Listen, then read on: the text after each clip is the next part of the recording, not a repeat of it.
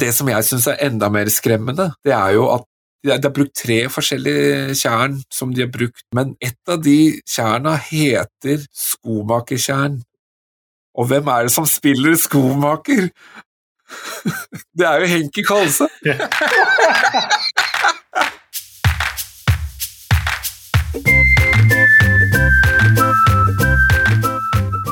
Velkommen til episode tre her på Norsk film er. Det er her vi velger én norsk film i hver episode som vi snakker om, scene for scene, og analyserer om scenene og skuespillerne. Det nærmer seg slutten av året, og det er nytt år, eh, og da passer det jo godt med en eh, norsk klassiker. altså Det er da De dødes tjern fra 1958 som vi skal snakke om i dag. Jeg sitter ikke her aleine, jeg har med meg Robert. Hei, hei. Hei, hei. Tusen takk. Vær så god. Pleier du å ha noen nyttårsforsetter sånn, når det er nytt år? Mitt nyttårsforsett pleier jo stort sett hvert år å være å lese flere bøker. Ja, Grei, Greier du det? Nei, jeg ser flere filmer. Ja. Det er det som er problemet her. Men denne, denne gangen så har jeg føler jeg at jeg har gjort begge deler, da. Ja. Gjennom denne filmen, i hvert fall. Ja, ok. På den måten, ja. Um, ja, som nevnt så er det jo De dødes tjern som vi skal snakke om.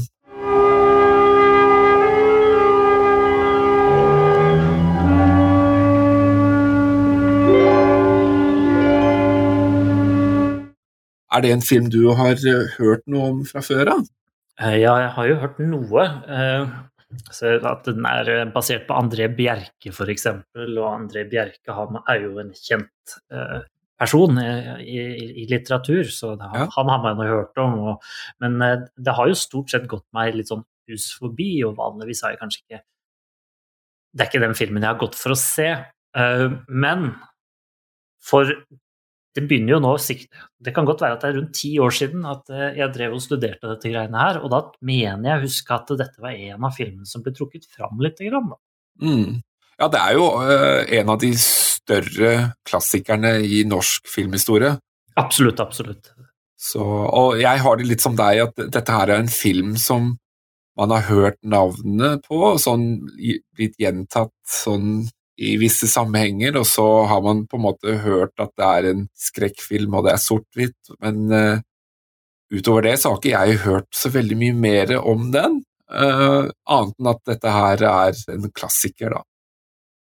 Filmen som vi velger i dag, har jo også en del kjente skuespillere, blant annet Henk Kolstad.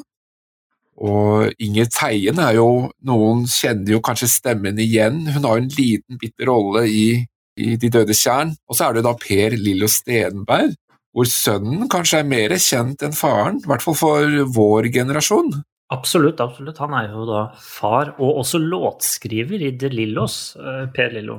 Ja, eller sønnen, da. Altså Lars. Lars ja, la, ja, eller, eller, eller, er faren også låtskriver? Ja, jeg mener det. Har ikke de skrevet oh, ja, sammen? Okay. Ja, men det, det da, da, lærte jeg noe nytt i dag. Men det skjedde jo andre ting i eh, 1958, altså av filmer og, som kom ut på kino. Det, har du sjekket litt ut av hva som eh, rørte seg i verden eh, da? Uh, ja, det har jeg jo gjort. Og det er vel få år som har vært viktigere og større for filmens historie enn 1958. Mm. Hvert tiende år, er det ikke det, omtrent, så uh, velger jo uh, Blir det jo kåret hva som er verdens beste og mest innflytelsesrike film, basert på basert på hva eh, regissører og filmkritikere over hele verden mener. Og da er det at BFI, eh, med Sight and Sound, tar og kårer da den beste filmen gjennom alle tider. Og den filmen som alltid har ligget øverst, er jo Orson Wells sin Citizen Kane. Eh, men i 2012, som da var siste gang man tok og gjorde denne undersøkelsen, som da også er den største undersøkelsen noensinne, mm. uh, inneholdt flere, så var det en film fra 1958 som toppet, uh, som da nødvendigvis ikke var Citizen Kane. Og det er jo Vertigo, ja. filmen til Alfred Hitchcock. Denne geniale filmen om denne, denne mannen som da lider litt av vertigo, da. Ja, ja, ja. Eh, Det er vel så- regnet som en eh, slags film noir, eller i hvert fall sånn slutten av film noir-perioden har, har jeg i hvert fall lest meg til. eh, eh, vertigo? Ja, Ja, riktig. Ja, det er jo en slags mysterie, drama, thriller. Det er, det er egentlig alt på en gang. Og det er jo kanskje ingen filmer som har uh, hatt så stor innflytelse på regissører i ettertid som da denne filmen. mm. Og Alfred Hitchcock, da. Så det er jo da den største og viktigste filmen fra 1958. Men jeg kan nevne et par ting til. Ja. Eh, at det var da filmen Gigi, eller Gigi, som vant for beste film og også beste director, med Vincent Minelli, som vant da det året for Oscar. Beste vanlige skuespiller ble David Niven, og beste skuespillerinne ble Susan Hayward. eh, Ja. I da det 31. Academy Awards, da, som hedret 1958. Og det forteller vel kanskje litt om at, eh, hvordan Vertigo senere har kommet eh, og liksom tatt verden i etterkant, mer enn der og da. ja. Eh, Jeg kan nevne et par ting til også. Jeg nevnte jo Orson Wells, f.eks. Og du nevnte jo film noir. I 1958 så ga han ut 'Touch of Evil', som er da en film noir. Som, hvor han leker da med film, noir, film noirens retningslinjer, og gjør det på en helt superb måte, da. Så 1958 er en strålende, et strålende år. Jeg kan nevne et norsk film også, en komedie fra 1948 laget av Edith Kalmar, som heter 'Lån meg din kone'. ja. Ja, Er ikke, det, er ikke det Leif Juster uh, som er med i den, eller husker Det tror jeg ikke. Eh, Elsa Lystad er faktisk der inne. eh, Ja. Men det er vel Tore Foss som er hovedpersonen der. eh, Akkurat. Og Vigdis Røisling, da, som spiller kjempebra. Ja. Men 'Lån meg din kone' også en lite, et lite frempekk, kanskje, til hva som kommer litt senere i denne, i denne podkasten, helt mot slutten. Hvis man utvider litt sånn, hvis man tenker 50-tallet som tiår, og tenker hva som kom ut av film, så har vi jo også Kon-Tiki, altså den norske dokumentaren om Kon-Tiki som Thor Heyerdahl selv laget. Den kom vel ut i 1950, og det er vel Norges eneste Oscar-film som har fått Oscar, stemmer ikke det? Det er kanskje én til som har fått Jeg trodde vi hadde fått på et par stykker, egentlig. eh, Men det, det er fullt mulig. Det er ikke så ofte eh, vi i det hele tatt havner på eh, Oscars shortlist Nei. over filmer eller nominerte. For å tease kanskje med vår neste film for neste sending, Ja.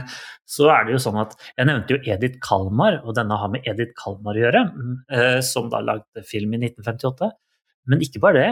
Dagens regissør hadde også ansvar for filmografien, eller kinematografien, i filmen som kommer neste gang. Kåre Bergstrøm, altså. Så her har vi en link til dagens film. Ja. Og du nevnte også, for så vidt, film noir. Det er enda en link. Ah, det er spennende. Jeg liker den sjangeren. Ja, det er mye spennende der, altså. Vi er også på sosiale medier, altså Facebook. Kan du gå inn og like oss og legge igjen kommentarer på hva du syns om filmene våre? Ønsker du å lytte på våre episoder, så kan du gå inn på www.norskfilmer.no. Der finner du da alle våre episoder som du kan lytte på, og selvfølgelig også alle andre plattformer som Apple, Google og Spotify. Vi bare minner om at eh, vi spoiler filmen, så hvis du ikke har sett filmen fra før, så anbefaler vi å pause podkasten nå, og så se filmen, og så høre episoden etterpå. Eller så kan du jo høre podkasten nå, se filmen etterpå og tenke Vet du hva, filmen ble mye bedre nå. Eh, Men du, Lars. eh, Nå burde vi jo starte på denne filmen her, og eh, dette er jo en gammel film, så hvorfor i all verden har du valgt en sånn gammel film? Du, jeg liker veldig godt sort-hvitt-filmen. Jeg har sånn veldig forkjærlighet for det type medie. Og så er jo dette her Norges første skrekkfilm. Eh, Så kan man jo diskutere om dette her egentlig er en skrekkfilm, eller om det er mer en krim. Det kan vi jo komme litt nærmere inn på etter hvert, men jeg syns eh, dette her er eh, en interessant film sånn i, sett i norsk filmhistorie-sammenheng. Og så er det jo også det at filmen har jo vært en inspirasjonskilde til senere filmer i samme sjanger. Altså, vi tenker jo da på Villmark og Fritt vilt, som er, jeg vil si, sterkt inspirert av uh, De dødes tjern. Du har jo også bøker uh, av Knut Nærum, 'Døde menn står på ski', som er en, en parodi da, på påskekrim og skrekksjangeren. Han sier jo selv at han er jo inspirert av denne filmen. Eller boken også, da. Det var litt morsomt at du sa, for det visste jeg ikke. Men jeg har jo lest boka av Knut Nærum. Eh, ja. Og egentlig alle disse Obront eh, Quist-bøkene. Ja. Og eh, leste den tittelen, eller leste boka, så tenkte jeg jeg har hørt det navnet et sted før. Men det var jo ikke navnet jeg egentlig hadde hørt før. Det var jo denne filmtittelen 'De dødes tjern' ja. som jeg hadde hørt før. Som nevnt så er jo boken da gitt ut av André Bjerke, men under pseudonymet Bernhard Borge, som også er da karakteren i denne boken, eller filmen. Og André Bjerke spiller jo også selv i filmen, eh, som denne her redaktøren eller journalisten Jon Mørk. Var du klar over at han, eh, Bjerke selv var med i filmen? Eh, ja, eh, altså det har jeg egentlig fått med meg. Ja. ja. Men det er jo litt artig da, at du sier at han ga den ut under navnet Bernhard Borge, og er da selv personen som blir spilt av Henki Kolstad, mens han selv spiller en annen person. Ja, og det tenkte jeg jo også akkurat litt på. Altså, at dette her er jo nesten en slags jeg, jeg kan, man, Metafilm er kanskje ikke det riktige begrepet, men det her at han, Bjerke selv, er en karakter og så ser og spiller mot sitt eget alias, er jo egentlig litt spesielt. altså Nærmest sånn ut av kroppen-opplevelse. altså Det at man betrakter sitt eget alias som går rundt i en scene, går og står og snakker, det er jo litt sånn uh, spesielt, altså. Ja, ja, han spiller jo Gabriel Mørk i denne filmen, uh, og, ja. som da er en forfatter uh, som er med på denne hytteturen.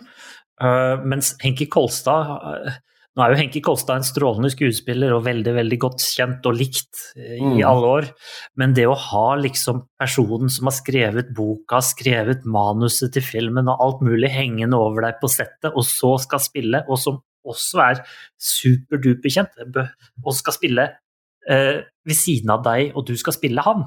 Altså ja. Henki Kolstad skal spille aliaset, liksom. Ja, det, det, gjør det. Det setter nok et lite trykk inne på settet, men jeg regner med at det er noe Henki Kolstad bare børstet av armene, altså. Ja, jeg er litt usikker på hvor uh, han, han, var jo nok kjent den gangen, men hvor kjent han var, altså hvor, uh, hvor ny skuespiller han var, det er jeg faktisk litt usikker på. Altså Henki Kolstad. Henki Kolstad har jo holdt på siden 30-tallet. Ja, så han var jo godt kjent. Ja, han hadde sikkert spilt en 10-15 filmer han, allerede innen den tid. altså. Bare sånn liten bemerkning, altså Vi snakket om den her karakteren, altså Jon Mørk. I filmen så heter han Jon Mørk, men i bøkene så heter han Gabriel Mørk. Så er, de har jo bytta litt navn, noen av karakterene. Boken også har jo et tema som kommer inn på det her med psykoanalyse og litt sånn okkultisme er jo også et tema som Bjerke sjøl var litt opptatt av, spesielt psykoanalysen. Og det her med drømmetydninger, og det er jo samtaler som ofte dukker opp i, i filmen. Psykoanalyse er jo Kort fortalt er det jo en metode som innebærer hypnose for å avdekke glemte opplevelser eller fortrengte følelser osv. Det var jo noe som på en måte var litt i tiden den gangen. Jeg kan jo nevne det at Tom Egeland, som er en kjent norsk forfatter, har jo beskrevet André Bjerke som mørkets mester. Og en person som i hans bøker, da, så går, altså i André Bjerkes bøker, så går liksom da ifølge Tom Egeland så går det gåtefulle og det rasjonelle det går på en måte hånd i hånd. og det er liksom, Man er ofte litt usikker på hva som egentlig er fakta, og hva som egentlig er fantasi. ikke sant? Og, og det at det er at man tukler med det okkulte, det, det, stemmer nok i sterk grad.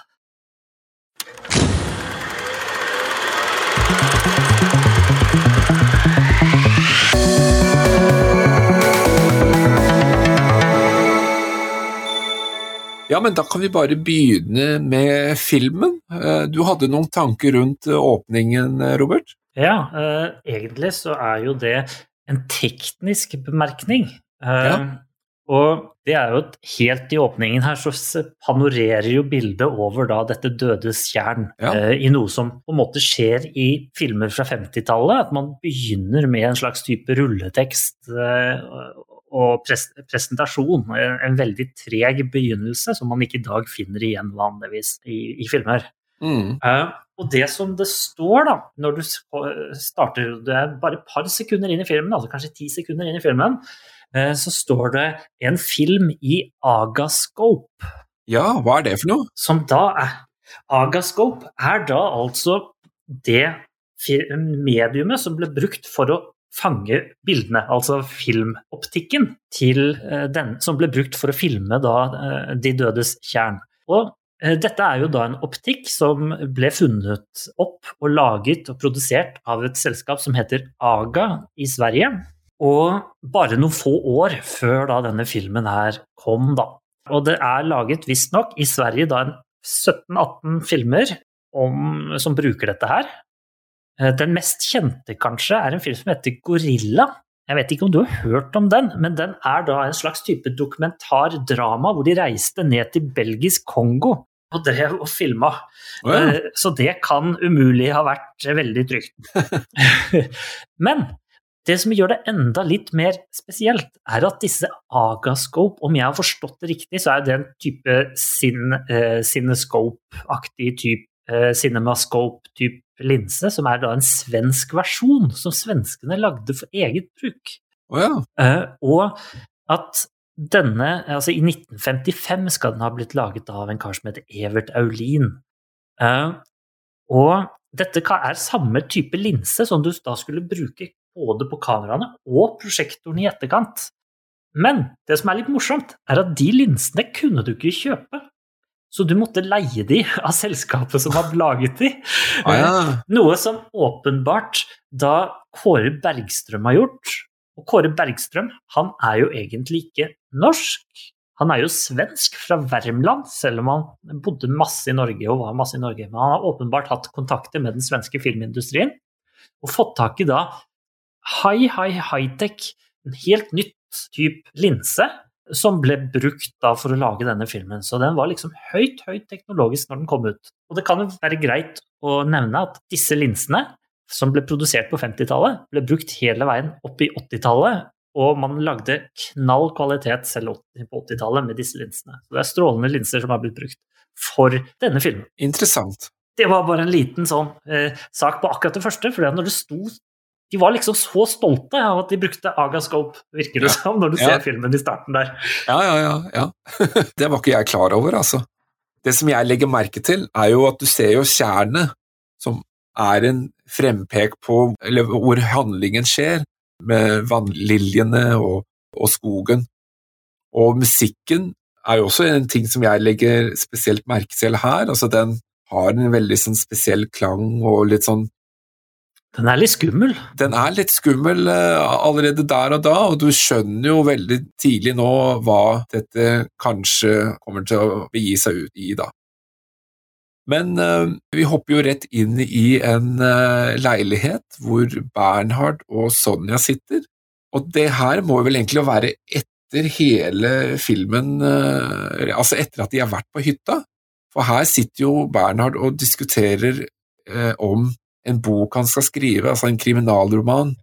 Oppfatter du det på samme måte? Det gir iallfall full mening at det er tilfellet. Fordi det, det står jo i introen at det er Bernhard Borge som har laget eh, boken, akkurat sånn som du drev og snakket om i starten. Og at han da sitter der og sier at han nå skriver han denne fortellingen ned. Ja, for de begynner liksom å, å mimre og, og tenke tilbake igjen, og så får vi da et flashback. Ja, det får vi jo da på toget. Men før det så refererer jo han Bernhard til et Ibsen-dikt som heter da Med en vannlilje, som også er et frempek på filmen, for det er jo mye vannliljer som dukker opp eh, senere. Og det er jo Dette er diktet eh, om vannliljer, da, hvor det står et eller annet at det er noe ukjent, og det er noe skremmende, og, og altså man skal passe seg for det ukjente. eh, det er i alt seks personer som er på vei oppover.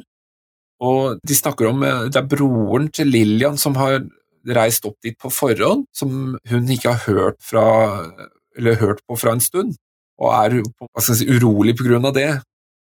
Lillian virker jo å være en, en urolig sjel i det hele tatt. Eh, litt lett eh, for å bli Oppskakket og Oppskakket, ja. Rett og slett.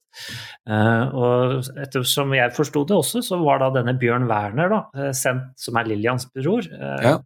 hadde reist opp og egentlig vært på den hytta en god stund, tror jeg. Og så driver de, og som venner flest, liksom, driver med uh, lett skal vi si det, i togvogna. hvor de liksom de, de tar og tuller med hverandre og sier ja, du er ikke mye til, eh, til forfatter, du, liksom. Og, ja, ja. Så, sånn type. Og det som jeg syns er litt artig her, altså André Bjerke, da, som spiller Jon Mørk, han er jo Altså, det kommer ikke så veldig godt ut hva han egentlig er, men at han jobber i et magasin, om han er redaktør eller journalist, det vet jeg ikke, men det er i hvert fall, han skriver i hvert fall om bøker.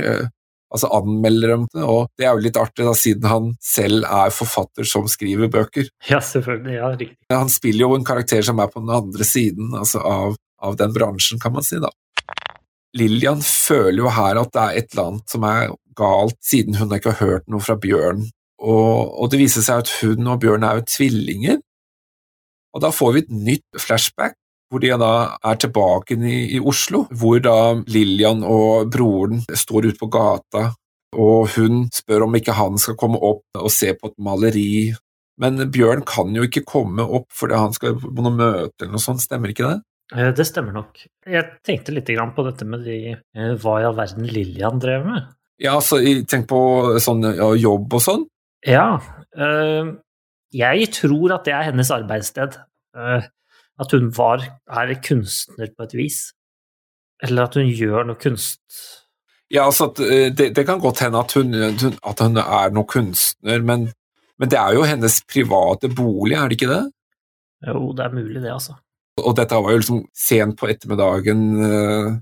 Men uh, det er en del inni den scenen hvor hun setter seg ned, og hun sklir ned inntil kjøkkenbordet matbordet når han, Bjørn da åpenbart skulle ha kommet.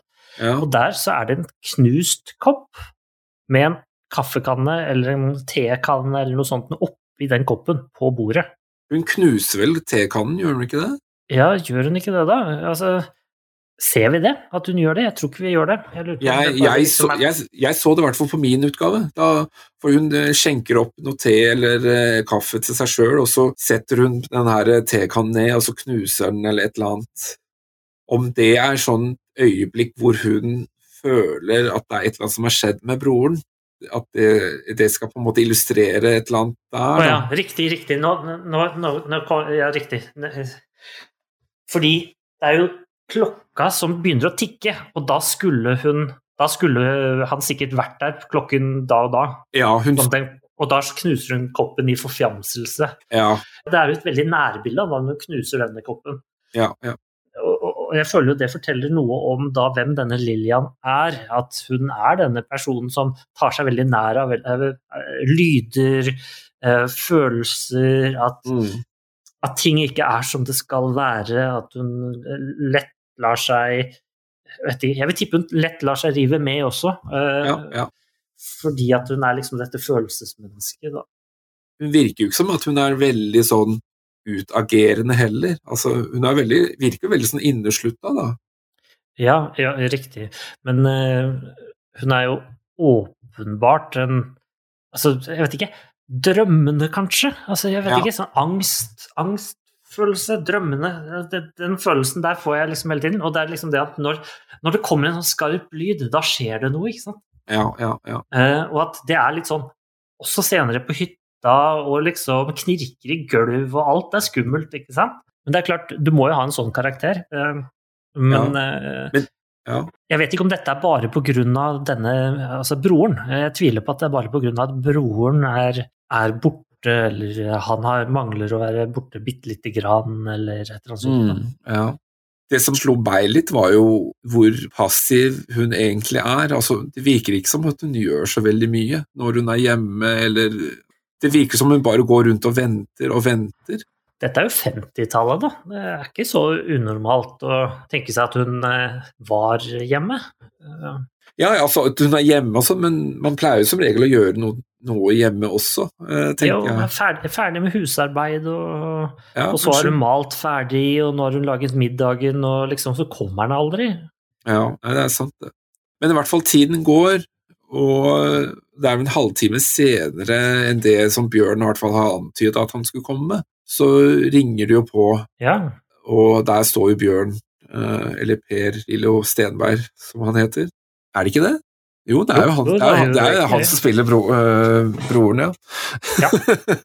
så han dukker jo opp og har jo vært eh, Eller han er jo skada i hodet, og hun blir jo litt forfjamsa over det. ja det er naturlig. Og han forklarer jo at han har vært i en ulykke og kjørt på en buss, eller en buss har kjørt på han, jeg vet ikke helt hva som egentlig skjedde der, det ser vi jo ikke. Her så lærer vi i hvert fall, eller vi skjønner jo i hvert fall at Lillian føler når broren er i fare, og at hun føler en viss angst og, og redsel på grunn av det. Neste scene så er vi jo da i skogen, Ja, vi får jo bare en sånn klassisk sånn transition-scene med tog som viser at, er at vi er tilbake ved toget, og at de er nå kommet seg inn i skogen. Ja, og det som jeg tenker på, det er her eh, bruker ikke tid på å vise scener fra noen togstasjon eller eh, annen sånn at de er på vei inn i skogen. Her er vi rett i skogen fra toget, rett og slett. Ja, dette skal vi kunne tenke oss til, da. De er jo på vei mot hytta, og det er sent. Ja. Og I den togscenen så driver Lillian og driver og snakker om at hun har hatt noe angst altså, i de siste dagene. Ja, Eh, Så dette her er jo litt med det du sier om denne connection med Bjørn. Da. Dette er jo Bjørns hytte de skal til, og er det tvilling-connection som det heter? Jeg vet ikke. Det, ja, det er jo kanskje det de prøver å få fram her, da. Jeg tror det jeg òg, altså. At det er det. Dette her er jo da litt grann ekstra interessant for den ene personen inne i denne togkupeen. Kai Mm. Bugge, Ja, som da er psykolog. Og jeg tror jo det at selv om de kanskje ikke er så tydelige enda, så blir det litt tydelig etter hvert. eh, At han syntes det var litt ekstra spennende å høre om denne connection der. Ja, så er vi i skogen, da, sånn som du sa, at vi hopper rett inn i skogen, og de står og ser inn på denne flotte hytta oppe i Østerdalen. ja, skikkelig klassisk norsk fin hytte med gress på taket, og vi kan, selv om det er svart-hvitt, så kan vi skimte hvor fantastisk vakkert det er der med knallblå himmel og grønt gress, og det er, det er hvite vinduskarmer, og nei, det er riktig fint. Ja. Og de tror jo at de skal møte Bjørn, eh, men han er jo borte, og det er ulåst. Ja, sjokk, sjokk. bombe. Så de kommer seg i hvert fall inn. Og her er jo musikken igjen sånn fremtredende. Jeg, jeg, jeg er sånn som legger ofte veldig merke til musikken i filmer, for jeg syns det på en måte er en karakter i seg selv, og det er jo ikke et unntak her. For her er det jo på en måte noe skummelt som kommer til å skje snart, eller senere. Ja, de legger jo veldig opp til det, ikke sant. De sier jo det at det er jo ikke noe lys i vinduene og bla, bla, bla, ikke sant. Ja, Og eh, det er helt klart at når de står der ute i skogen og liksom musikken kommer og sånn, så skjønner vi at det er noe muffins her. Men det har jo ikke denne Bernhard Borge noe tid å vente på. Han leverer jo en av filmens mest eh, upassende, i hvert fall dagens standarder, eh, kommentar. Når han sier da 'kom av kjerring, inn og kok'. ja han vet hvor skapet skal stå. Ja, til kona, da. Til, til kona som da Sonja. selvfølgelig Sonja. Ja. og hun smiler og er like glad, ikke sant? Det forteller noe om datiden. Ja, ikke sant. Det, det er jo litt med datidens uh, kjønnsroller, da. Ja, nei, det er en art, artig liten på en måte gufs av fortid, da, kanskje, kan Ja. du si. Eh, men, men likevel, den ble jo godt mottatt. altså Det virka å være litt sånn spøkefullt, ikke sant? Det Ja, jeg tror sånn, det, ja. Det var ikke sånn eh, 'kom og kjøring', ikke sant? Altså, Det var, ikke, det var mer Det var liksom litt spøkefullt. Ja, det er litt sånn som man spøker litt med på den måten i dag også. Altså, man sier det, men man mener det kanskje ikke helt. Nei, for du mener jo strengt tatt ikke. Så eh, lensmannen sier jo at han må dra i løpet av kvelden, men blir i hvert fall til middagen. Du nevnte jo Fritt vilt, at den var inspirert av denne filmen. Og det Mm. tenkte jeg litt på når jeg satt og så inn i den hytta. Det er ikke sånn at hytta er veldig lik, sånn sett, men det var liksom den samme feelingen du fikk når du var liksom inne i dette allmennrommet da, midt inne i hytta. ja. Eh, og at jeg, jeg følte liksom at jeg satt og venta på at det kom til å skje noe, ikke sant? Men jeg visste ikke helt hva jeg venta på. Altså, du har jo mange elementer som er ganske like i eh, villmark eller fritt vilt. Da. Nå så jeg den her villmark for ikke så veldig lenge siden. Altså, det er en gruppe som skal inn i skogen, inn i en hytte, det er et tjern. Altså, det er, det er mange likhetstrekk, da. Eh, men denne politimannen som du nevnte, Ja. han var jo ikke med på togturen. Nei, for han møter jo de på eh, togstasjonen, eller det er i hvert fall det de En av de nevner, at en lensmann skal møte de. Ja, riktig. Og denne lensmannen, han er jo full av historier. Ja, det er jo der vi får litt grann av den der vi, liksom, vi skjønner at ok, dette her kommer ikke til å gå bra.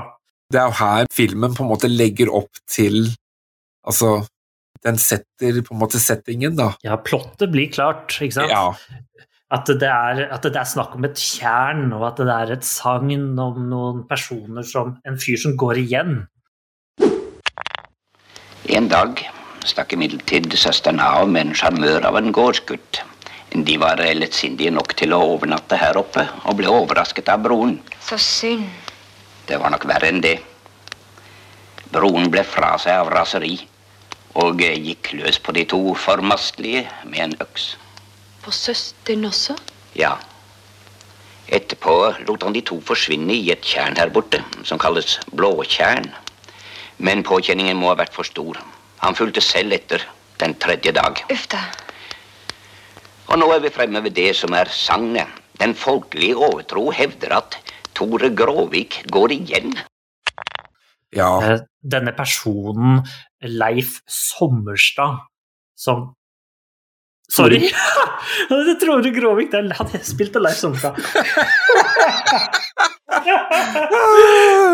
ja, det stemmer, det.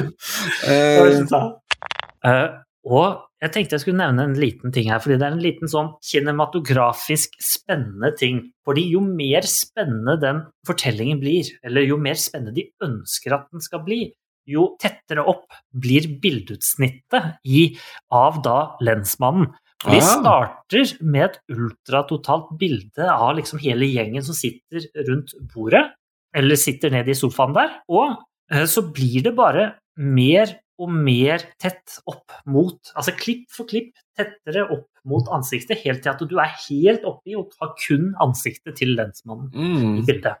For å liksom bringe denne spenningen fram, da. Eh, og Ja, det er interessant. om, interessant. Er det noe vi vet om film, så er det jo at jo nærmere bildet er, jo kraft, mer kraftfullt er det vanligvis, da. Ja, for det føles litt mer intenst. Altså, mer, riktig. Ikke sant? Jo, jo mer og mer nærmere utsnittet blir, og jo mer han forteller, så blir på en måte bare fortellingen mer og mer intens. Helt riktig, den blir jo riktig, riktig intens, altså, denne fortellingen, da. Og det kommer jo også fram her at eh, det er jo på dagen, eller i hvert fall det nærmer seg den dagen hvor dette her skjedde, da, altså for 100 år siden var det vel nevnt at det, dette hadde skjedd. Ja, var det ikke 23. august eller noe sånt, og at de Stemmer. kom opp 21.?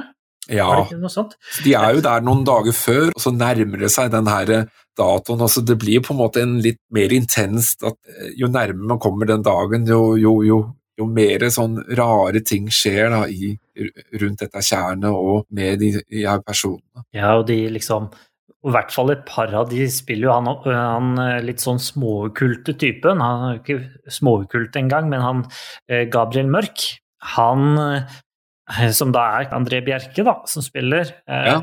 er jo veldig tydelig på at ja, han blir mer og mer okkultisk etter hvert som filmen går. Ja, og, og er veldig tydelig på dette her at oi, oi, oi, pass dere for neste dag, og neste dag blir verre enn forrige dag, osv. Han er en veldig sånn spesiell person, den eh, karakteren. Altså, Ja. han, han, han har liksom de der autoritære, litt sånn belærende setninger, og så kommer han og går han litt, og så, ja. Men det som jeg syns er enda mer skremmende, det er jo at de har brukt tre forskjellige tjern som de har brukt da i, jeg tror det er i nord for Oslo, og så er det noen andre steder også ute i Bærum eller Sandvika og sånn, og så er det tre, tredje tjern. da. Men et av de tjerna heter skomakertjern. Og hvem er det som spiller skomaker? Ja, det blir jo Det er jo Henki er Henki Kolstad. Kolstad noen år etterpå. Det kommer i hvert fall fram at et eller annet med dette tjernet som trekker folk til seg, eller det er en viss dragning på folk som oppholder seg i denne hytten.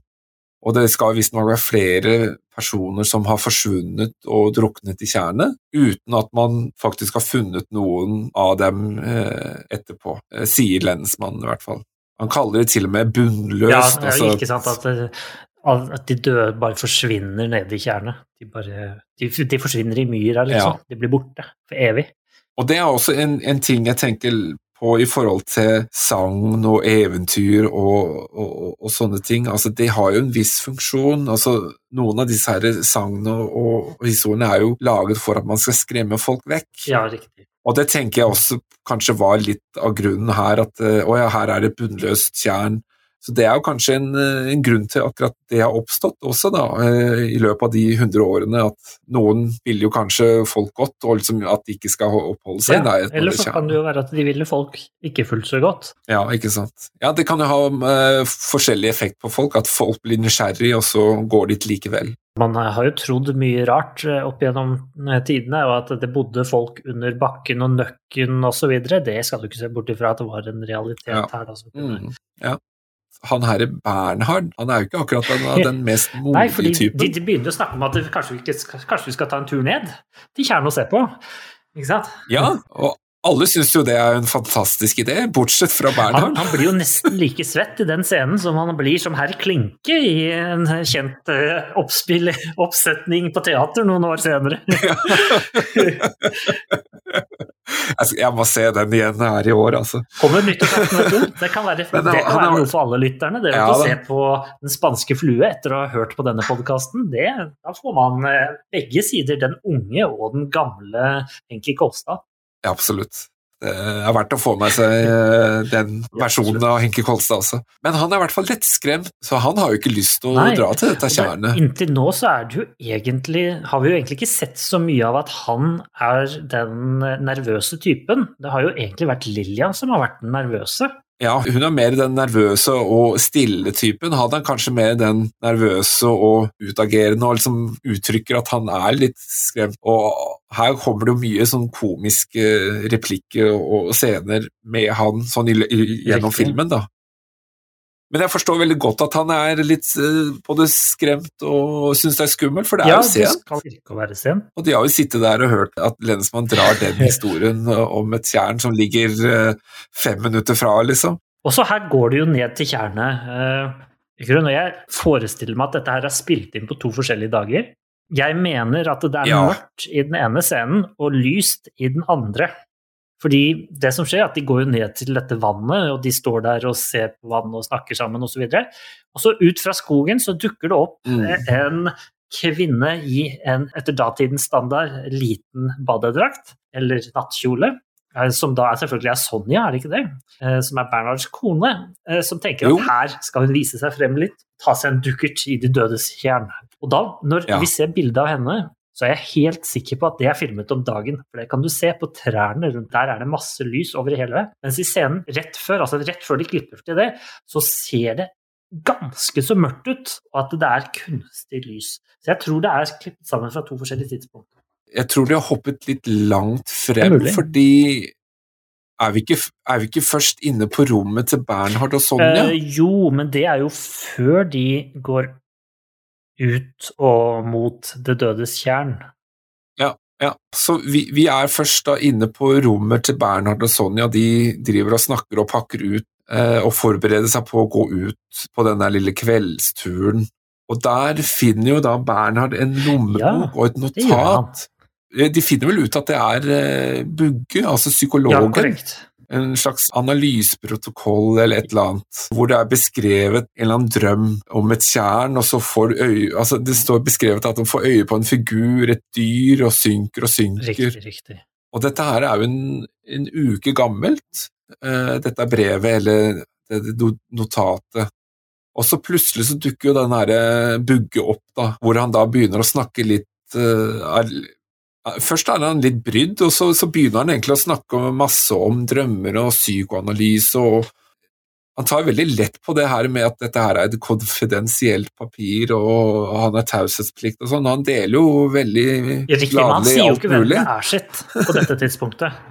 Nei, han gjør jo kanskje ikke det, men er det, Bernhard spør vel vi, Senere i filmen så får vi vite at dette her var, var det Lillians drømmer. Ja, det er i hvert fall det han gjetter at det er. Eller at Ja, eller var det omvendt? Ja, av dem var det i hvert fall. Men de får i hvert fall ikke på dette tidspunktet vite hvem sine eh, drømmer dette her er. Så han, han forteller jo egentlig bare at du, dette her er et notat jeg har fra jobb, uh, hvor jeg har snakket med en person som har en ja. drøm. Uh, og det er jo helt naturlig at han gjør i, i jobben sin.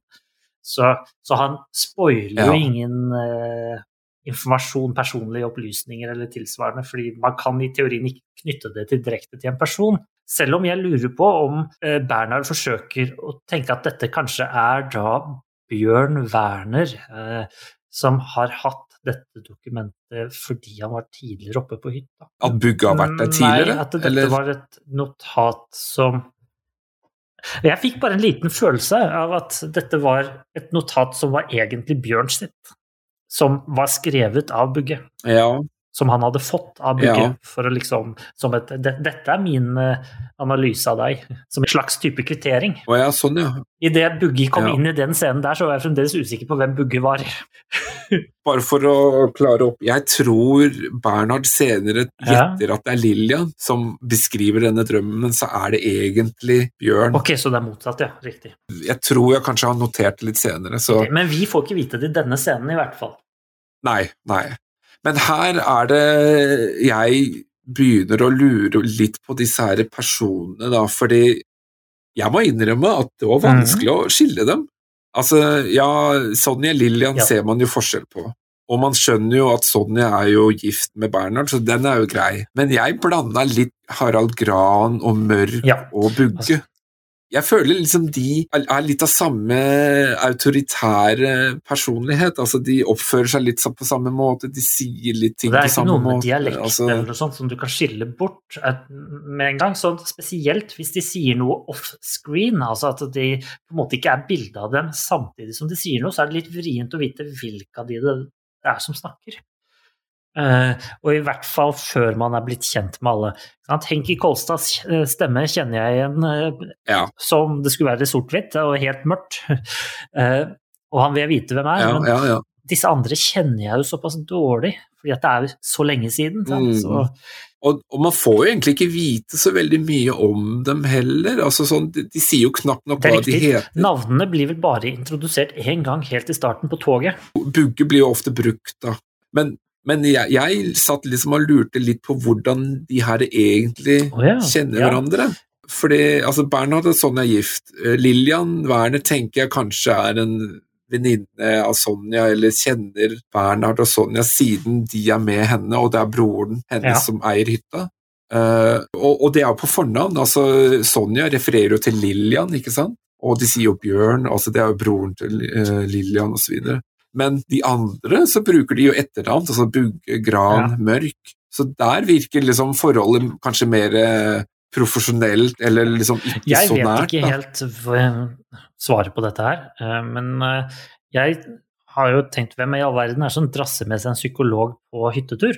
Hvis ikke du kjenner psykologen veldig godt fra før. Ja. Og det virker jo Her er tingen. Vi får jo vite senere at Bugge er Lillians psykolog, og da også Bjørns psykolog, så er, ville det jo være fryktelig uprofesjonelt mm. å reise på dem på heisatur på hytta, liksom.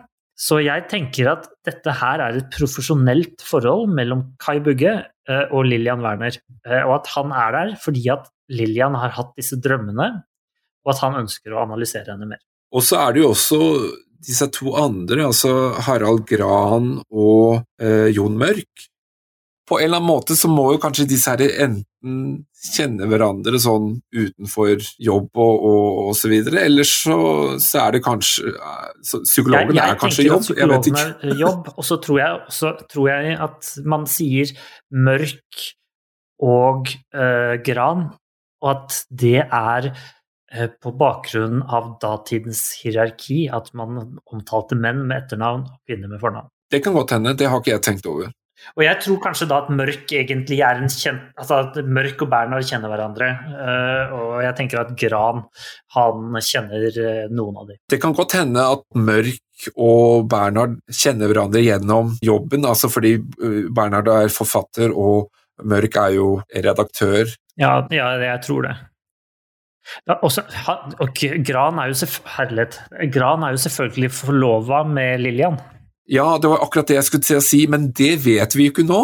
Det er jo noe som faktisk kun kommer fram helt på slutten av filmen. Altså, du får noen sånn hint i løpet av filmen. På et eller annet tidspunkt så driver Lillian og flørter med denne Tror, tror Bernhard, med han eh, psykologen. Jo. Eh, og, så, så, og så sier jo Sonja Men det er jo seinere, da. Men uh, vi kan bare si det kort. Så sier jo Sonja ja, men hun er jo forlovet. Men hun sier jo ikke hvem hun er forlovet Nei, med. men, men det som da antageligvis foregår akkurat der, så er det vel eh, en eh, psykologting som foregår der og da, antar jeg. Men Bernhard helt åpenbart vet jo at Lillian er forlovet med Gran på det tidspunktet. Ja, det tror jeg også. Det er bare vi som seere vet ikke. Og det, det syns jeg kanskje Jeg vet ikke om det er bevisst eller ubevisst. Men det betyr jo da at Bernhard ikke vet at, at Bugge er Lillians psykolog. Ikke på, uh, på nåværende tidspunkt, nei. Det tror jeg ikke. For det, det er noe som han blir overraska Det er riktig. eller spør om. Visste han at han var Bjørns psykolog? Nei, det tror jeg ikke. Så, så, så Bernhard Borge har med seg en helt ukjent psykolog på, på tur, som han ikke aner hvem er. Jeg vet ikke om det er Bernhard som har med Bugge, Ja, kanskje det er sånn ja, at Bernhard bare blir med. men eh, kanskje Lillian har ønsket at Bernhard er med, men ikke liksom forteller til de andre at hvem han, hvorfor han egentlig er med. Lillian ønsker at Bugge skal være med, ja. Ja, for Lillian har jo gått i terapi hos Bugge. Ja. Ja, jeg tror kanskje det, Jeg tror det det er, litt sammen. jeg tror det er rent, rent faglig er grunnen til at Bugge er med, i hvert fall. Dette her er, er jo sikkert noe som eh, kommer bedre fram i boka, vil jeg tro. Og hvor man har litt Ja. mer tid på seg til å liksom forklare sånne type ting.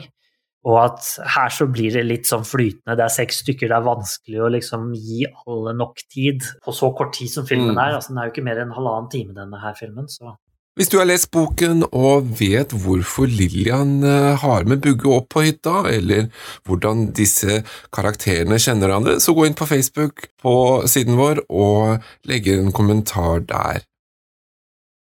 Jeg ser litt for meg at filmen er eh, annerledes enn boka. Grunnen til hvorfor de drar opp dit, eh, er litt annerledes. Jeg tror ikke det er noen togtur heller, jeg tror det er litt annerledes. var det skitur? Nei, men jeg tror, jeg tror hele gruppen ja, Den flashback i togscenen som vi har i, i starten av filmen Istedenfor så er det da at alle møtes i Oslo, ja, og, så ha, og så er det der de har på en måte den samtalen, og så drar de opp til hytta. Så togscenen er ikke en del av boken, så vidt jeg vet. Nei, nettopp. Grunnen til at jeg nevnte det, var jo det at Knut Nærum hadde jo da disse døde menn går på ski. Eh, Så det hadde vært litt artig om det var sånn at de gikk på ski opp. Jeg sliter litt med disse personene altså på dette tidspunktet av denne filmen. Ja, altså skille dem fra hverandre, mener du? Ja, egentlig, og hvorfor de er der, og hvorfor alle sammen Hva egentlig de ønsker å oppnå, de forskjellige. Og jeg føler egentlig ikke jeg får helt has på det før mot slutten, når alt begynner å nøstes opp, og at liksom denne Bugge inntar en helt annen rolle enn det jeg føler han har i da det, på soverommet her, hvor han er veldig mystisk. Eh, Senere blir han veldig Mm, tydelig ja. på hva han mener og er og sånn, uten å spoile for mye her. Ja, ja, ja. Jeg tror kanskje det er litt av poenget med filmen, at, eh, at her er det tilsynelatende folk som kjenner hverandre mer eller mindre, som drar på en hyttetur. Eh, det er en litt sånn rar omstendighet, fordi ja, broren er borte, og alle skal opp dit og på en hyttetur, liksom. Altså, man burde kanskje gjort noe annet hvis man ikke hadde hørt fra broren. Men det er jo ikke en helt sånn ukjent ting, dette her, eh, i, i filmer og bøker og sånn, å nevne det at det, det følger med en ekstra person som bare observerer. Mm. Det går Ja. igjen i Knut Nærums bøker, f.eks. Han er sikkert inspirert av denne. Og, og Daniel Craig spiller vel en, en rolle relativt nylig, hvor han gjør akkurat det samme. Ja, ja uh, Knives Out. Ja, i 'Knives Out, ja. Åh, det er en fantastisk film. ja uh. Ja, den er bra, altså. Jeg har sett den flere ganger. Oi. Ble den bedre andre gang? Absolutt. Oi, da skal jeg se den en gang til. um, vi har beveget oss ut av hytten, altså Vi er på den kveldsturen. Ja, og da går det jo rett og slett bare ned til tjernet, altså. Sonja er veldig nysgjerrig på tjernet, og Lillian er, veldig stille, og Lillian sier at hun kjenner seg igjen. Og nå skjønner jeg at hun sier det på grunn av at det skaper spenning i denne filmen. Men når jeg Ja. går i skogen på et sted jeg ikke har vært før, og jeg har gått noen skogsturer både hit og dit, og jeg har vært ved mange tjern, og de ser klin like ut, altså. De gjør det. Ja, så jeg tenker at det er logisk for oss å tenke at sånn er det, men her sier de det jo bare for å skape spenning, ikke sant? For å skape mer av den intrigen de allerede får jobbe med, eh, og Ja. skape mer av denne Lillians usikkerhet. Men det er jo også et tilbakepek på den herre notatet som Bernhard fant. Eller er det det? Hun har jo vært i terapi hos Bugge og fortalt om disse her drømmene, og, og det er jo det hun husker her. Hun kjenner seg igjen med disse her liljene, den trestokken, vannet, tjernet. Og vi kjenner jo oss igjen også, eh, på bakgrunn av denne åpningsscenen, Ja, hvor, vi er ser, hvor vi ser tjernet på nytt. Men eh, det var også en, en ting jeg tenkte på i forhold til det filmatiske her. Altså, ja.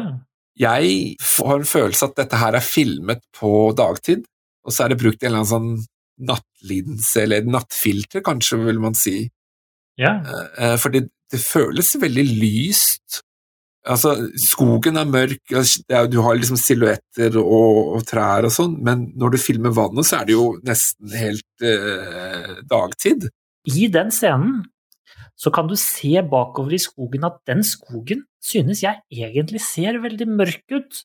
Jeg føler at det er spilt inn på forskjellige tidspunkt, egentlig, men det kan godt være at begge er spilt inn på dagen, og at det som er mørkt i bakgrunnen, blir skikkelig mørkt.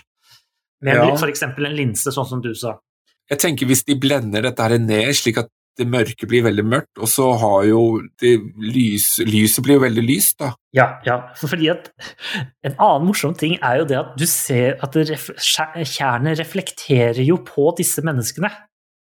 Så, så Ja. du ser liksom det veldig skimrer, liksom. at det gjør det ikke jo midt på natta. Så det er åpenbart at dette, Eller på kvelden. Det er, og dette gjør du midt på lyse dagen. Ja, dette her er ikke natt, uh, filmer på natten, det, det ser man jo tydelig. Men nå skal det sies at jeg syns faktisk det gjorde effekten mye mer sånn uhyggelig, på en måte. Altså, Ja, riktig. ja, for det er noe unaturlig med det her skjærene når det på en måte er lyssatt på den måten. Så det virker jo ikke helt riktig. Nei, ikke sant? Sånn, Og, det- og syns jeg på en måte bare gjør det enda mer eh, skummelt, egentlig. Ja, riktig, riktig. Jeg er for så vidt med deg på den. Eh, Men det, det er jo da fem stykker som driver og betrakter dette tjernet. Ja, riktig. Eller seks, seks stykker, da, som betrakter det. Og det er én person som ikke betrakter det, i hvert fall ikke likt med de andre.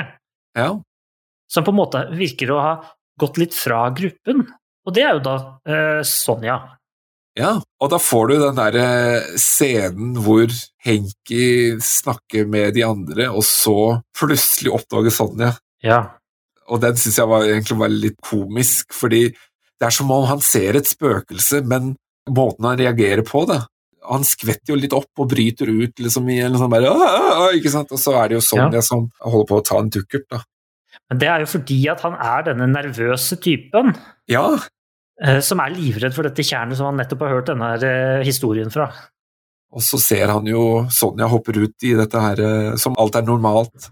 Ja, hun går jo i datidens veldig spreke bademote, tror jeg. Eller kanskje det er bare nattkjole. Uh, Ja, det er, jeg tror det er bade...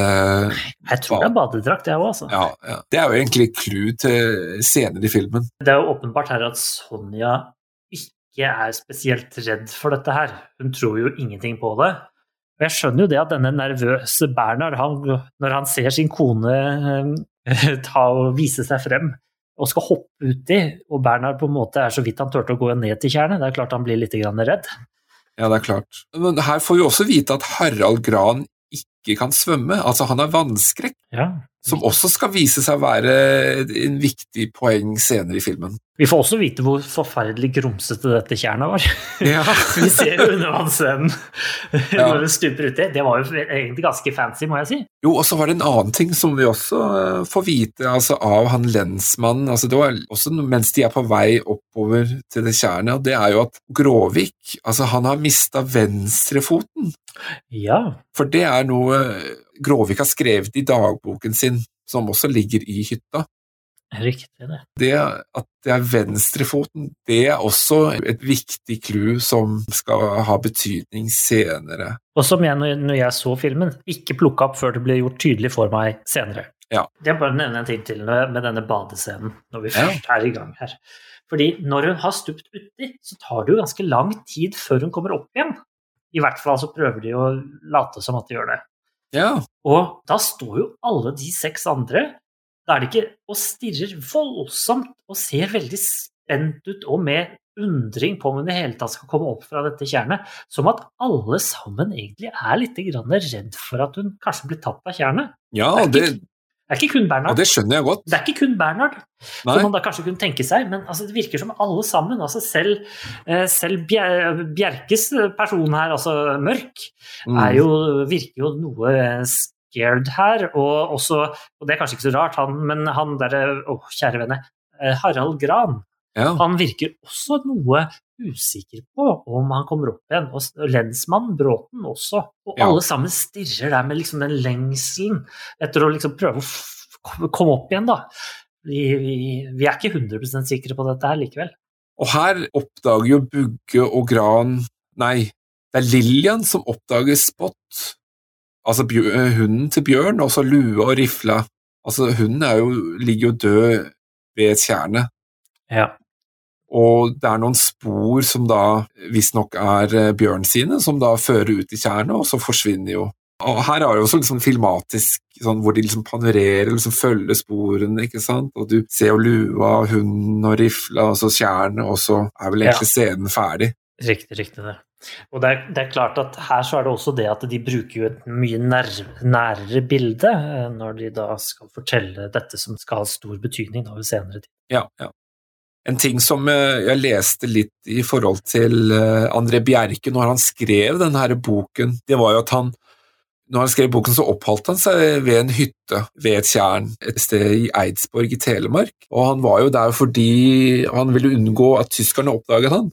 Og det sies jo faktisk at en natt så stakk han opp til dette tjernet og hoppet ut i, i tjernet eh, alene for å selv oppleve reddelsen, det å havne i et tjern og liksom kave seg opp av dette her og fø virkelig føle hvordan det var å havne ut i et tjern. da. Han har jo virkelig liksom gjort sitt for å drive research da, til boken. Vi får satse på at det ikke var så mange som døde i det tjernet. Nei, han overlevde i hvert fall. Eh. Men så er vi jo tilbake til hytta. Ja. Lensmann sier vel at, vil- at han vil sette i gang en leteaksjon, han må tilbake til bygda. Riktig. Og flere av dem tror vel at Bjørn har tatt et selvmord, men Lillian, eller i hvert fall noen av dem, er jo litt usikre, for det ligner jo ikke han at han gjør det. Og, og vår gode okul okkultistvenn han er vel ganske sikker på at det ikke er tilfellet. Ja, han Gran, altså Harald Gran, tenker du på, eller? Nei, jeg tenker Nei, på Mørk, Mørk. tenk- ja. Jeg tenker på Mørk. Han eh, jeg er litt usikker på om han allerede her presenterer en annen mulighet, men han, holder, han er i hvert fall ikke 100 overbevist, virker det som. At det er Ja. en naturlig forklaring. Harald Gran han tenker jo litt på dette, og han lurer jo litt på om dette faktisk er mer arrangert. Da, for sporene er liksom litt for tydelige, sier han. Ja, At det er litt for opplagt, og, og at dette kanskje er noe som er planlagt, altså rett og slett et mord. Mm Jeg jeg legger jo merke til at, at det er gått 25 minutter inn i filmen, og allerede nå så er det jo skjedd ganske mye på kort tid. Filmen er jo ikke sånn at den dveler så veldig mye med uviktige scener. Det er sånn der bom, bom, bom, altså vi er i Oslo, vi er på toget, vi er i skogen, og så det tjernet, og så tilbake igjen. Og dette er i løpet av 25 minutter, så det syns jeg er egentlig er ganske friskt gjort, da. Ja. Uh, og nå, det, det går jo fort unna her, uh, og nå er det jo leggetid. Eh, det er Ja. sent. Og da begynner jo nok en del mystiske hendelser å skje. Og dette er jo det som får meg til å tenke at dette her egentlig er en skrekkfilm, eh, og Ja. ikke kun en psykologisk thriller eller noe sånt. Mm. Fordi det skjer faktisk et par scener som skal forsøke å skremme deg. Og det er fullt mulig at jeg i 1958 ville tisset i buksa. Ja. Her så er det vel midt på natta, og Bernhard får jo ikke sove. Ja, for her eh, møter jo Bernhard eh, Bugge ute i stuen. Ja, helt riktig. Han tenner lyset, tar seg en bayer, og så kommer han ut i stuen. Ja, og her får vi da et nytt clou. Altså, det er en dagbok som Bugge sitter med, men det er Ja. ikke Tore sin eh, dagbok, det er Bjørn sin. Riktig. Og så får vi et sånt flashback igjen, hvor vi ser noe av det som Bjørn har opplevd. Men det kommer i hvert fall fram at Bjørn sliter jo med et eller annet, at han leser noen bøker, altså blant annet Strindbergs Inferno, en sånn bok som også tar opp okkultisme og litt sånn forskjellige ting. Har Bjørn tilbringer mye tid ved tjernet og blir liksom dratt mot det, og Bjørn føler en viss uro. Og så er det jo det at Bjørn altså I det flashbacket så ser vi at Bjørn kommer inn i hytta, og han føler at noen har vært der. Ikke sant? Det er mulig. Og så går han jo ut Eller nei, han ser en fjær som ligger på bordet. En kråkefjær.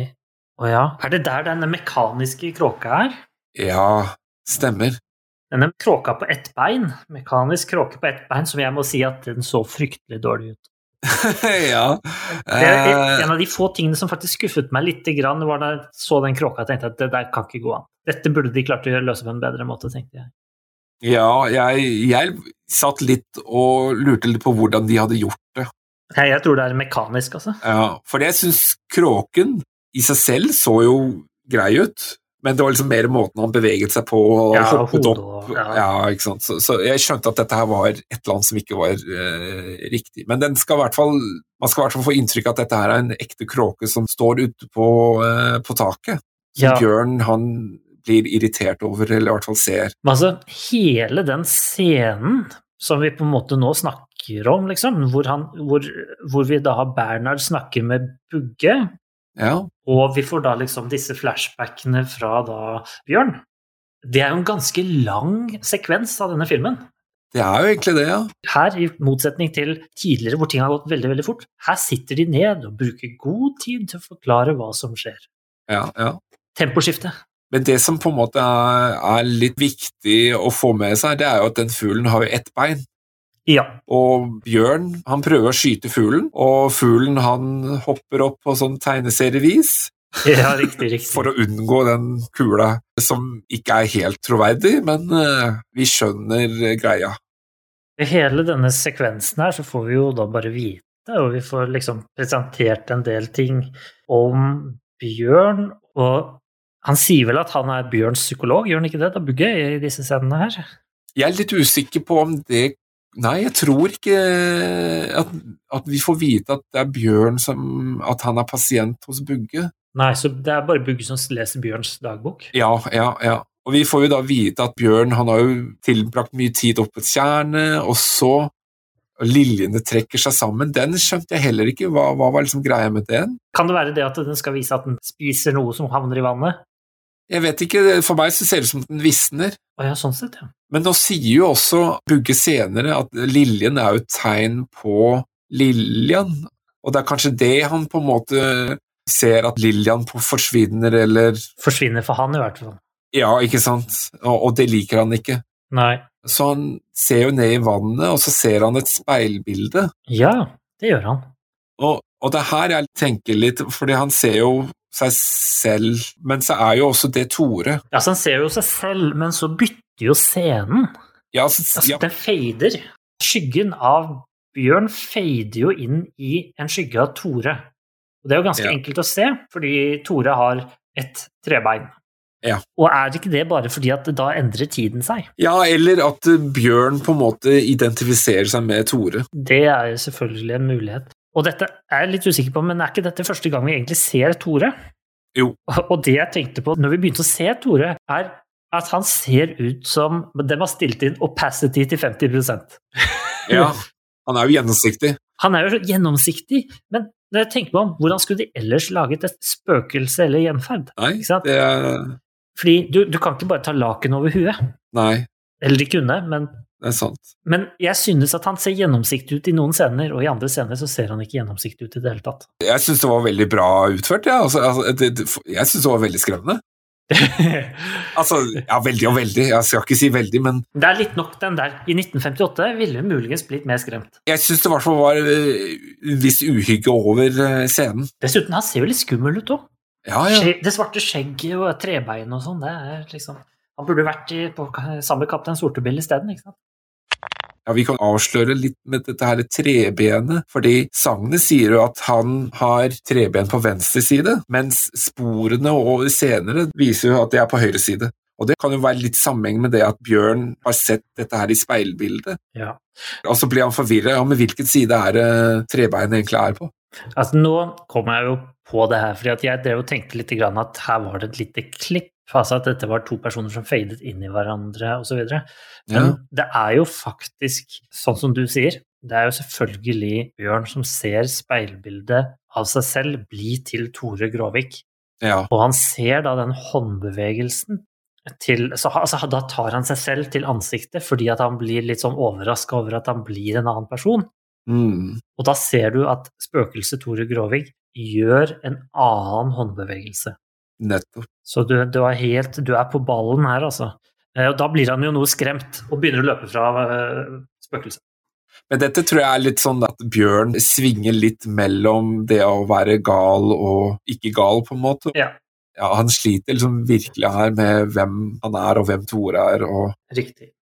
Bernhard har jo sovet og våknet brått fra et mareritt, eller i hvert fall han har i hvert fall tenkt eller drømt det som Bugge snakket om. Ja.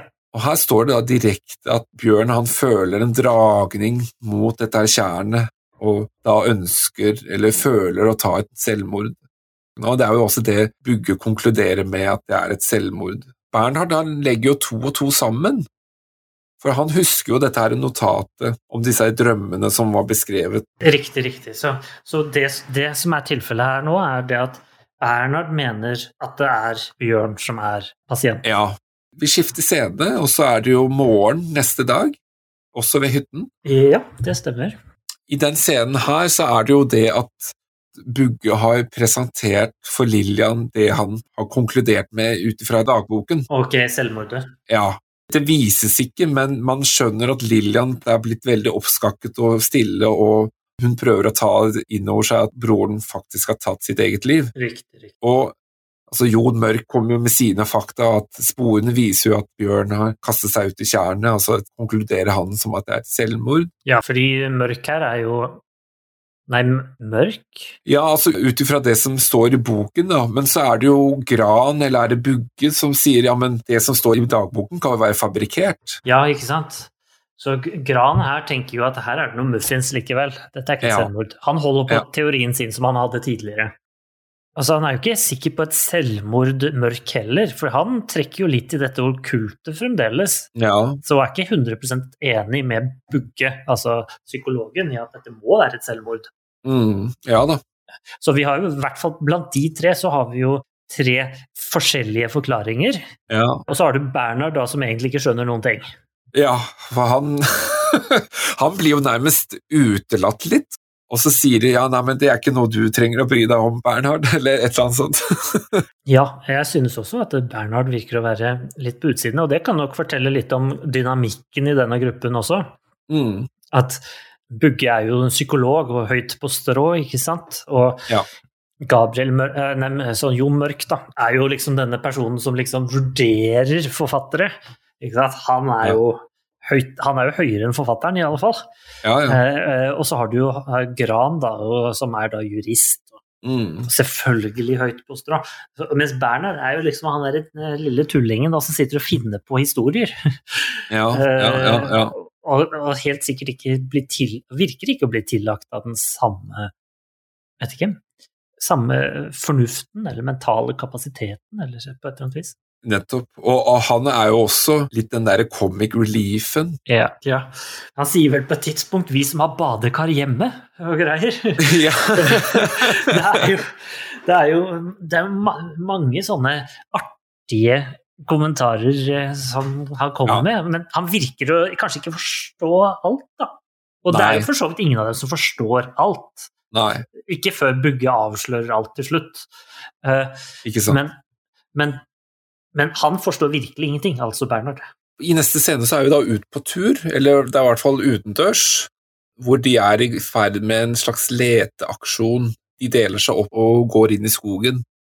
Og her er det da en samtale mellom er det Harald Gran og Bernhard, hvor Harald sier at uh, han hadde ikke så veldig mye til overs for Bjørn. Riktig, riktig. Så det er mulig det at uh, Hvorfor i all verden er han med på hytteturen hvis han ikke har noe til overs for Bjørn, som eier hytta?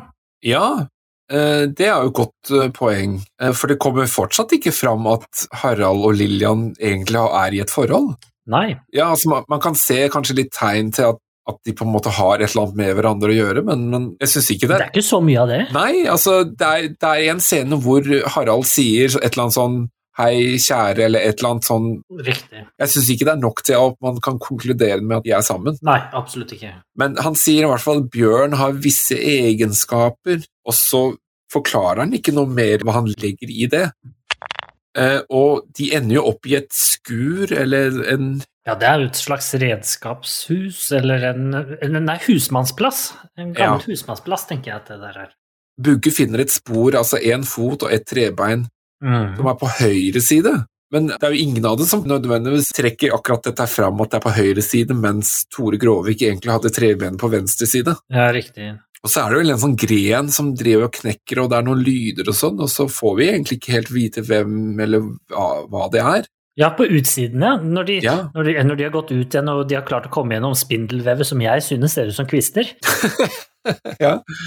Og så hører du jo en lyd, og det er helt åpenbart. Bernhard leiter jo selvfølgelig på feil side av hytta. Det er jo åpenbart. Han er jo helt på jordet alltid, det er jo det som er meningen her.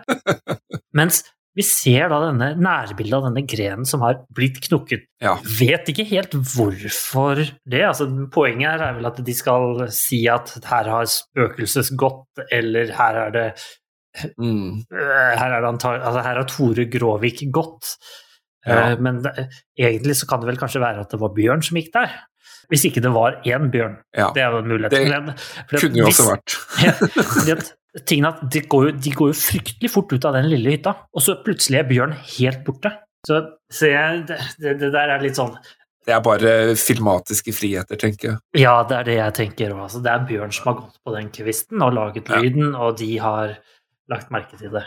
Men vi skifter fort eh, til neste scene hvor, hvor det er natta, Ja. tilbake inn i hytta. Igjen Bernhard, som er på en måte virker som å være den sentrale figuren i filmen. Han våkner jo opp midt på natta ja. og ser Lillian forsvinne inn i skogen.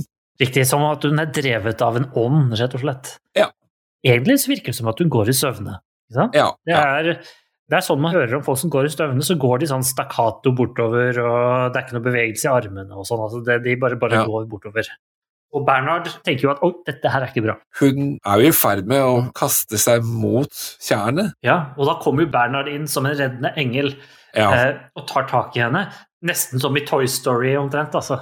ja. Eh, De konkluderer vel med at dette her er vel at hun prøver, eller prøver, sier jeg, hun går i søvne, altså en rasjonell forklaring på, på dette her.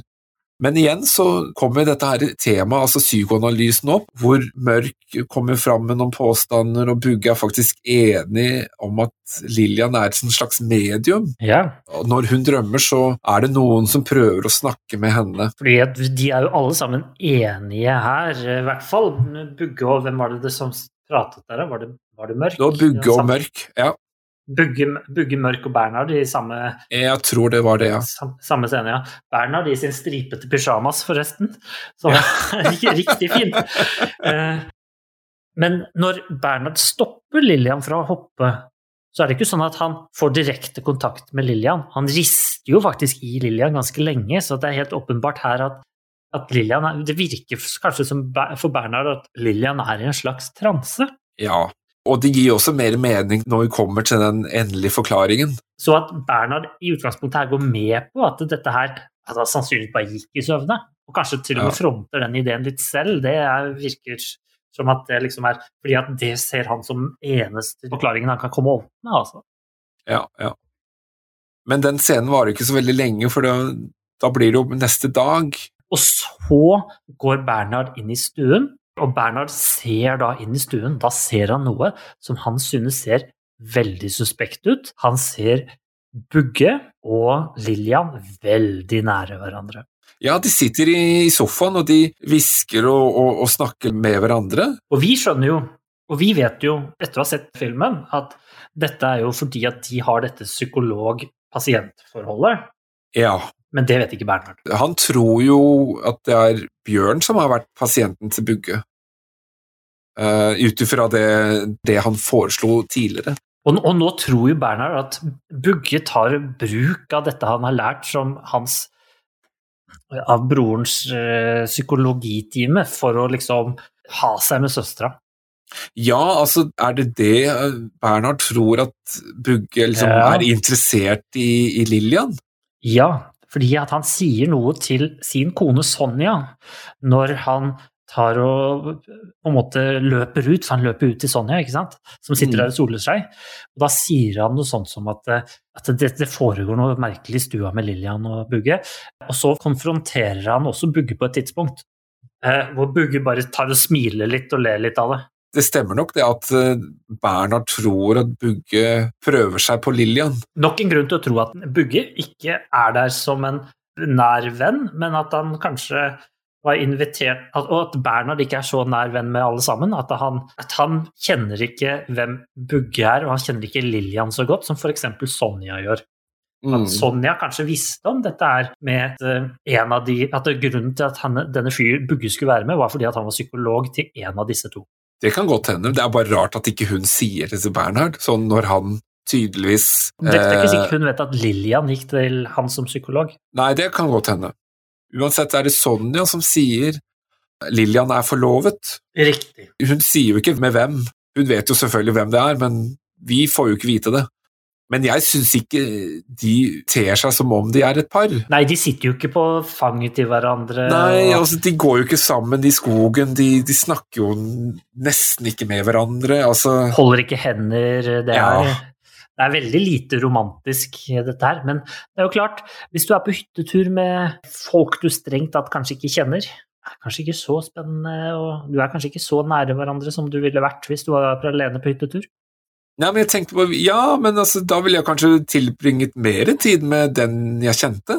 Jo, men det kan være at du ikke har den Ja, det er greit at du er på en måte sammen med personen, men det er ikke sikkert du gjør disse romantiske tingene. Altså fordi Nei, sånn, ja. av, av hensyn til de andre. Fordi det er på en måte er mer et offentlig Ja, det, det, det, er ikke, det, er ikke, like passende liksom å sitte og kline i hjørnet. Nei, det skjønner jeg, og det er jo 1958 også, så ja. man, man, det, var, det, var, nok mye som var lov når du var kriminolog i, i 1958. Ja, det er sant. Men de driver og har sine egne prosjekter, disse her folka. De ja, kommer og går. ja, men altså, Det virker som at de har slått seg litt i ro med dette her selvmordet og sånn. Det er ikke noe du kan gjøre med det, liksom. Ja. Eh, og nå sitter de egentlig bare og venter litt på han politimannen, kanskje. Eh, og bare lar tida gå. Det er derfor Sonja kan sitte og sole seg med denne lille flasken sin med sololje ja. Eh, som hun har stående. Ja. Og hva jeg vil tro er en veldig moderne stripete kroppskledning. Kanskje. Ja. ja, ja. Jeg tror det. Nei. Det er vanskelig å vite. Men det ser ja, 1950-tallet ut. Da det ser veldig moderne ut. Det ser veldig, ser veldig fancy ut. Ja, ja. Bernhard han eh, sovner vel, eller han tar seg en blund, og så våkner han jo brått at han hører noen stemmer. Når han sniker seg bort til vinduet, og så ser han inn i stuen, altså i hytta. Ja. Og så ser Bugge og Lillian de står og snakker med hverandre, i hvert fall, det er i hvert fall Lillian som reagerer. Ja. Og så er det her jeg lurer litt på Prøver filmen å få oss til å tro at Bugge antaster henne? Ja, det tror jeg. Eller spørsmålet, eh, lurer jeg på, er kanskje at filmen prøver å få Bernhard til å tro at det skjer ja. noe monkey business. Ja, Men skjønte du det samme som jeg? Altså at dette var en hypnose? Jeg tenkte at det her skjedde det noe, eh, og akkurat hva det var Jeg trodde kanskje ikke det var snakk om noe hypnose på det tidspunktet, men at det var mer Nei, okay. At det var mer en samtale hvor hun skrek ut et eller annet. Ja. Fordi at jeg, følte at, jeg føler at Lillian er en så mystisk karakter på det tidspunktet, jeg, når jeg har sett sånn, hva, tre kvarter av filmen eller noe sånt. Mm. Så, så sitter jeg og tenker det at Lillian er en sånn mystisk person som ikke jeg helt skjønner. Uh, Ja. Men at Bugge skal forsøke å hjelpe henne, det tenkte jeg kanskje. Ja, ja, ja. Det, det, det skjønner jeg jo.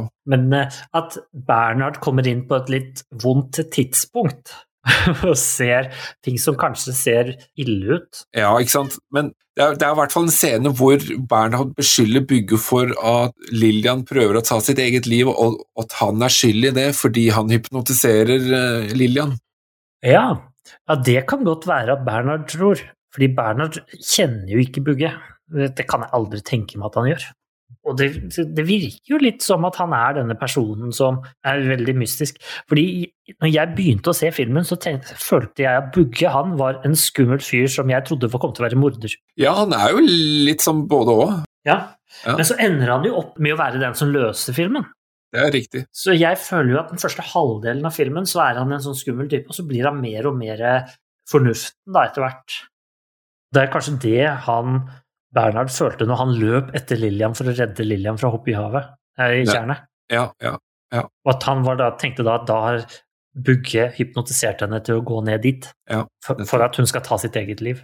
Mm. Det kan godt være at Bernhard da trakk, eh, la sammen to og to og tenkte kanskje han hadde gjort det samme med uh, Bjørn. Ja. At han rett og slett ønsker å bli kvitt Wernerne. Mm. Ja, Bjørn ja. og Lillian Werner. Ja. Kan være han var redd for sitt eget liv også, eller Sonjas liv. Det kan det være. Så kommer vi til den her lyn- og tordenscenen, uh, hvor uh, Det er på natta, selvfølgelig, hvor igjen Bugge og Bernhard snakker sammen.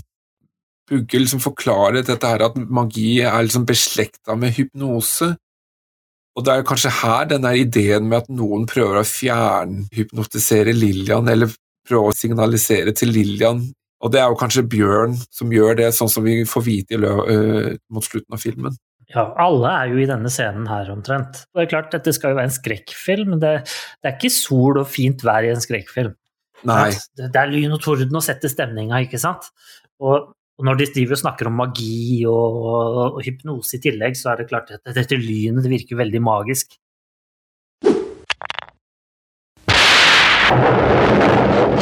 Ligg i nærheten.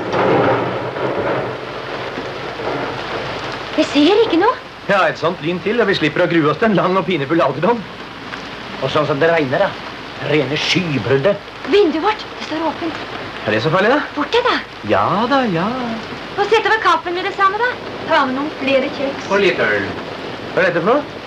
Sammensvergelse? Et lite lydklipp her fra filmen, altså. En ting som jeg syns eh, er litt bra med han Henki Kolstad, altså han spiller jo egentlig ganske godt her, altså den derre komikken hvor eh, alle er liksom nesten litt mot han, ikke sant, og så, og så sier han at 'jeg skal skrive en bok og, og la hodene rulle'. Ja. Ja. Ditt også din mørke mann, og så er det jo Jon Mørk som står der. Mm, det er helt. Eh, og, og, og, og så tidligere, altså rett før han kommer inn i dette her rommet, da, hvor alle liksom hvor Han blir jo spurt ja, men kan ikke du gå inn og lukke vinduet, og så, og så roper han ut er dette er en sammensvergelse. Han er jo utrolig god på, på akkurat å få fram den der komikken. Da. Det er jo litt morsomt òg at de Nå er det riktignok Bernhards rom, men at Sonja sender inn Bernhard som Sonja åpenbart vet at er pysete som bare det, og ikke har noe lyst til å gå inn i det mørke rommet. Han, Bernhard går jo inn dit, og det er mørkt, og så hører han at det er noen lyder bak neste dør, Ja. og åpner jo den, og det er jo da den derre skikkelsen kommer, eh, dukker opp da, i lyn, eh, mens det lyner. Ja. Og han, men han skriker opp, Bernhard, Ja. Og, fordi han ser et eller annet. ja, og de, de andre kommer jo til, og de skjønner jo med en gang at det faktisk har vært noen, der, for det er jo, det er jo, det er jo noen spor der. Ja. Og det er én fot og et treben. Og det er jo her han Harald oppdager ja, men trebenet er jo på feil side. ja. Og i hvert fall med 100% sikkerhet. Ja. At det ikke kan være Tore Gråvik, fordi han hadde jo trebeinet på venstre side, og dette her er jo da spor som tilsier at trebeinet er på høyre side. Så da må det jo være planta. Ja, eller at det er i hvert fall noen andre som gjør dette her. Ja, Det er i hvert fall Det er en fyr som har trebein, som ikke er et gjenferd. Men så kan man jo spørre seg hvorfor er egentlig Bjørn der? Hva, hva, hva er det han egentlig vil oppnå? Altså Vil gå inn vinduet der, tenker du? Ja, altså være i hytten. Altså vil han drepe noen? Vil han kidnappe noen? Altså han Hypnotisere Lillian, jeg vet ikke. Ja, så Bjørn kan også hypnotisere? Altså, hvis Lillian gikk ned til tjernet hypnotisert Ja, men jeg trodde ikke han trengte å hypnotisere Lillian. Jeg trodde det var liksom mer sånn telepatisk, eh, sånn ah, ja. fordi de var tvillinger og at de drømte, og så kommuniserte gjennom drømmene. Å ja, riktig. Det kan godt være. Eh, Men eh, vil det få Lillian til å gå ned mot tjernet helt i transe? Ja, hvis han forteller i drømmene at hun skal gjøre det, altså Ja, riktig. Kanskje han er nysgjerrig på hva som skjer med søstera. Det er jo denne Gran som er et problem for Bjørn. Ja. Det, kan Det er han, det er mulig at han skulle prøve å spille et puss på gran. Ja. Riste litt i grantråd, eh, få, få av granbaret. Så jeg vet ikke, Mm. kanskje, kanskje, mening, kanskje meningen var å prøve å ta livet av gran. Uansett så diskuterer jo gruppen eh, hvorvidt de skal bli værende i hytta eller eh, dra tilbake til byen, for nå føler jo i hvert fall noen at det er blitt litt for skummelt. Mm. Jon Mørk han er jo liksom den rasjonelle, så jeg tror han er jo den som sier nei, men de blir. Mm. Eller- Eller er det feil person jeg refererer til nå? Eh, Du tenker kanskje på gran? Det er Gran som kanskje sier det at, at uh, Jeg skal, skal ikke si med 100 sikkerhet, men hvis det er liksom den rasjonelle, så pleier det å være gran i denne filmen. Ja, og det er kanskje et poeng at han vil være igjen, fordi senere sniker han seg ut av hytta alene. Ja, Det er sant. Og hvorfor sniker han seg egentlig ut? Er det han som driver ser gjennom vinduet fra utsiden? Ja, for han sniker seg ut, og så ser han liksom inn i hytta, og så ser han Bernhard og Bugge. Bugge snakker Eller de spiller sjakk. Ja, riktig. det. Husker ikke helt hva de snakket om akkurat der. eh, Men eh, Nei, hvorfor i all verden gjorde han det? Var det for å sørge for at de var opptatt, sånn at han kunne snike seg av gårde? jeg tror bare det Ja, altså at han ser inn, ja. At det var bare for å være sikker på at, at de ikke følger han, og at, at Ja. de er der, og så kan han Stikke til tjernet. snike seg opp. Ja. Men jeg trodde jo dette var fordi at ja, men nå vi jo begynner vi å nærme oss den 23., men det var jo ikke den 23. august enda. Nei. Så hvorfor er egentlig han ute og han, For det virker ikke som at dette her er liksom en dragning, at, at han gjør det ubevisst. Nei, han, han virker å gå ja. Kan det være at Gran har fått et nyss om Bjørn? Kan Gran ha lest samme dokument? Det kan godt hende. Og at han tror at Bjørn eksisterer et eller annet sted, ikke er tatt selvmord, eh, og at han går for å ta livet av han eller noe? Leter etter han? Prøver å finne han? Kanskje. Det, det, det jeg føler er litt søkt. Men ja. eh, Vi, vi klipper jo inn til Bernhard og Bugge, og de snakker jo som løst og fast, og de spiller jo sjakkpartiet ferdig, og så sier vel Bernhard et eller annet som får Bugge til å komme på en eller annen sånn eh, aha-opplevelse. ja. Altså, sånn derre Å, hvorfor har jeg ikke tenkt på det før om Harald Gran? Og hva er det han har oppdaget? Det, det, det skjønner jeg ikke. Nei, det er jeg litt usikker på. Men de bestemmer seg i hvert fall for å følge etter Harald. Som da betyr at da må de vite at Harald har gått? Ja, fordi Bernhard han vil jo inn og legge seg, og så Nei. Bugge han, han får en sånn der aha-opplevelse at Å ja, men jeg har jo ikke tenkt på det før, om Harald Gran. Og så går han inn og sjekker for å spørre om Gran, og så oppdager han å ja, men han er jo borte. Og så tenker de å ja, men da må han ha stukket av til tjernet. Det er sånn jeg tolket uh, scenen, i hvert fall. Han sa at jeg ikke har tenkt på det, for en idiot jeg har vært, sa Bugge. Ja, Hva var det han hadde tenkt? nettopp. Skal vi se, Vent litt, vent litt, skal jeg se om jeg finner ut av det. Jeg så den scenen flere ganger. Jeg, jeg, Nei, han, gikk, han, han Bugge har kommet opp med at han går sine egne veier. Ja, altså at Bugge er på spor Nei, at Harald er på sporet etter et eller annet. Kanskje det er det der med trebein og høyre og venstre side. Men det kommer ikke Hva er det Gran vet? Altså, Bugge forklarer siden i, i, på slutten er at ja, men Gran han skjønte at det var bjørn i den saga, for det var de der sporene som var bytta om, Ja. og dagboken og alt dette her. Men her, altså, det kommer ikke veldig godt fram. Hva er det egentlig Fordi at det han sier, er at han, de sjekker døra til Gran og ser at Gran ikke er der, og så sier de oi, nå haster det veldig, sier Bugge til Bernhard, nå må vi finne han. Ja, Og så stormer de ut. hva er det Bugge har skjønt? Nei, fordi Bugge er jo på vei nå ned til tjernet her.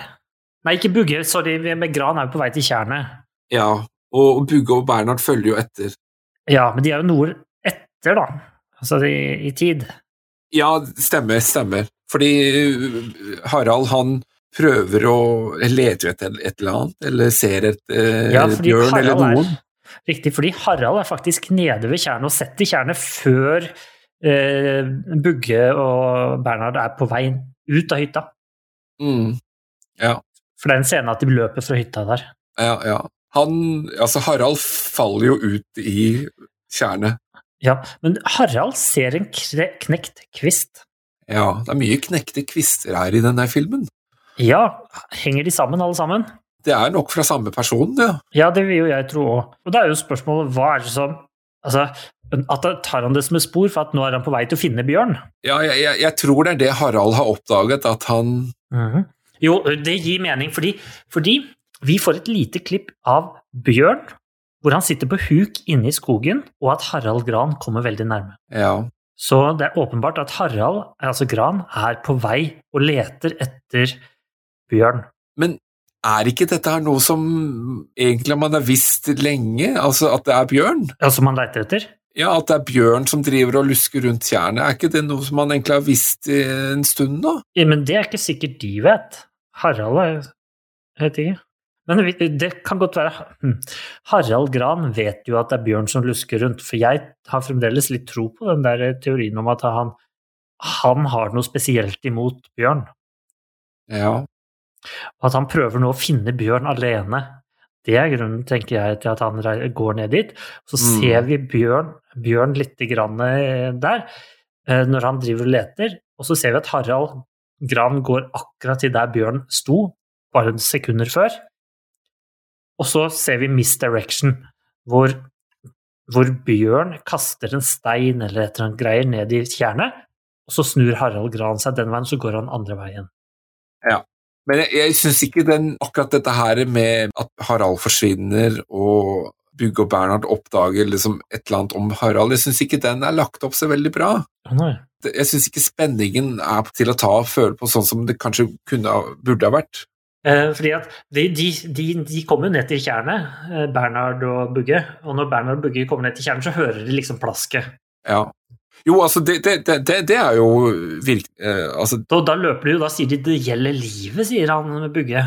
ja. Men det er noe med det her at når vi som seer oppdager ting før karakterene gjør det, så gir jo det på en måte en liksom bedre følelse når man ser filmen.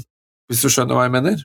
Ja, at vi vet noen ting. Men altså, nå ser finner jo disse De bruker til og med Harald Grans lommelykt til å lyse på Harald Gran i tjernet. Ja, for han har jo falt ut og ligger jo der og dupper.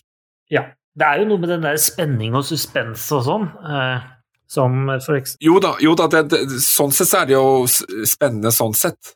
Vi får jo, vi som seere, vet noe som, som karakterene ikke vet. Da er det jo suspens. Altså, vi sitter her og bare tenker la, oss, la det ikke gå eh, La han ikke gå dit, ikke gå dit, ikke gå dit, eller et eller annet sånt noe, ikke sant? Ja, jeg bare tenker på det der at det hadde kanskje vært mer spennende og suspens hvis vi hadde visst det samme som Harald, Ja. før de andre karakterene visste det. Og hva det. vet Harald, liksom? Ja, det vet jo ikke vi Ja, jeg heller. er for så vidt enig. Nei, fordi vi vet jo Vi vet ikke med 100 sikkerhet hvorfor Harald gikk ned dit. Nei, ikke sant? Men at vi, hvis vi kunne vært med på det clouet, liksom, Ja. det hadde vært litt mer virkningsfullt, syns jeg, da. Men jeg tror kanskje vi har, at Harald har kommet på sporet av hva At det egentlig er Bjørn som driver og lusker rundt. Ja, og hva Bjørn føler. Ja, Det er nok uh, sant. Men at det er en uhyggelig scene, akkurat det med det fjeset, at de lyser Det, det, det Altså, jeg syns det var uh, ja, det skjønner jeg. ganske så virkningsfullt, det, altså. Ja, og uh, en mørk kinosal 1958, du merker det, altså.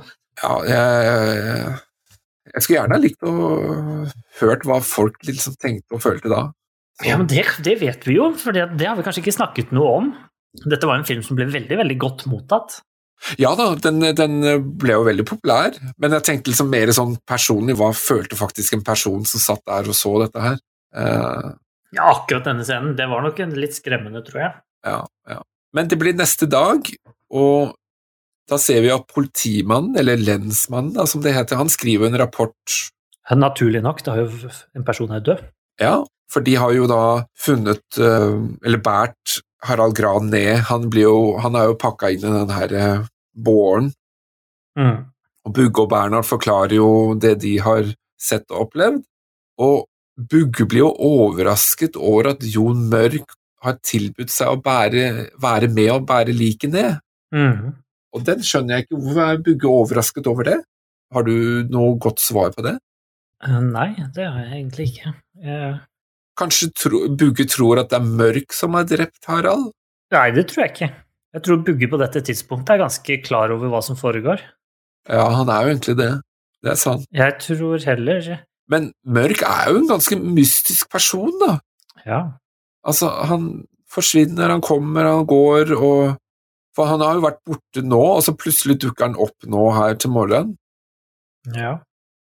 Han har jo ikke vært med i forrige scenen. Men Lyn og Torden Jo, det var han. Ja, nei, jeg vet ikke. Han er i hvert fall en mystisk person. Ja, han er jo den mørke typen. Høy og mørk. Ja, høy og mørk. Det er liksom natten til den 23., altså dette her eh, spesielle natten som sagnet grom. Nå er det jo det at lensmannen og de andre har jo forlatt hytta, altså de bærer jo Harald Gran ned, Ja, til stasjonen, sikte Ja. Oslo. Ja, eller bygda eller et eller annet. Ja. Og så er det jo Bernhard og Bugge og Sonja og Lillian som er igjen i hytta. ja, det stemmer. Bernhard skal vel ut og hente vann, er det ikke det? Jo, Bernhard han er ute og henter vann, og så plutselig begynner han å føle en sånn der dragning mot tjernet, og musikken begynner å stemme opp, og det er noe sånn, noen som beveger seg i skrenten bak han. Det skal jo ikke så mye til, da, etter sånn som vi har lært å kjenne Bernhard, at han skal føle at det er noe rart. Nei, Det er helt åpenbart at Bernhard har en eller annen fornemmelse om et eller annet. Altså en følelse som han har, og, og du kan se det i ansiktet hans også, hvordan han, eh, hvordan han er Det er noe rar interesse der. Han går i grunn helt likt ned mot vannet som det Lillian gjorde også, armene rett ned, ja, og liksom den stakkato gangen rett fram. det er jo kanskje det der at eh, tjernet på en måte drar folk ned til vannet. Ja, så når han kommer til, til vannet, så har han liksom den litt sånn tomme følelsen i ansiktet og så videre. Ja. Og så, Ja, så ser vi ned på tjernet, og, og så stirrer han inn i tjernet, og han ser mer og mer i tjer- tjernet, og så er det virvelstrøm eller noe greier som foregår Ja. nede i tjernet der. Jeg, er, det er det er, er det et hypnosetegn? Det har jeg ikke tenkt over. Jeg tror det er liksom bare det at tjernet signaliserer tilbake igjen, eller prøver å vekke oppmerksomheten. Jeg vet ikke. Jeg tenkte at det var litt sånn hypnoseaktig, og så hører han denne ugla eller fuglen eller hva er, og så går det dras i den skrenten. Ja, Og da tenker jo jeg at der har Bjørn vært og, Ja. og sett på. ja du tenker at liksom vann eller tjernet hypnotiserer folk med de der virvlene, er det det du mente? Ja. Ja. Eller nei, det var ikke egentlig det jeg tenkte, men jeg, det jeg tenker at de i filmen har tenkt, at, eh, at Bjørn kan sitte på lang avstand og bruke tjernet til å hypnotisere med, eller noe. Ah, sånn ja, at bjørn kontrollerer tjernet. Ja, litt.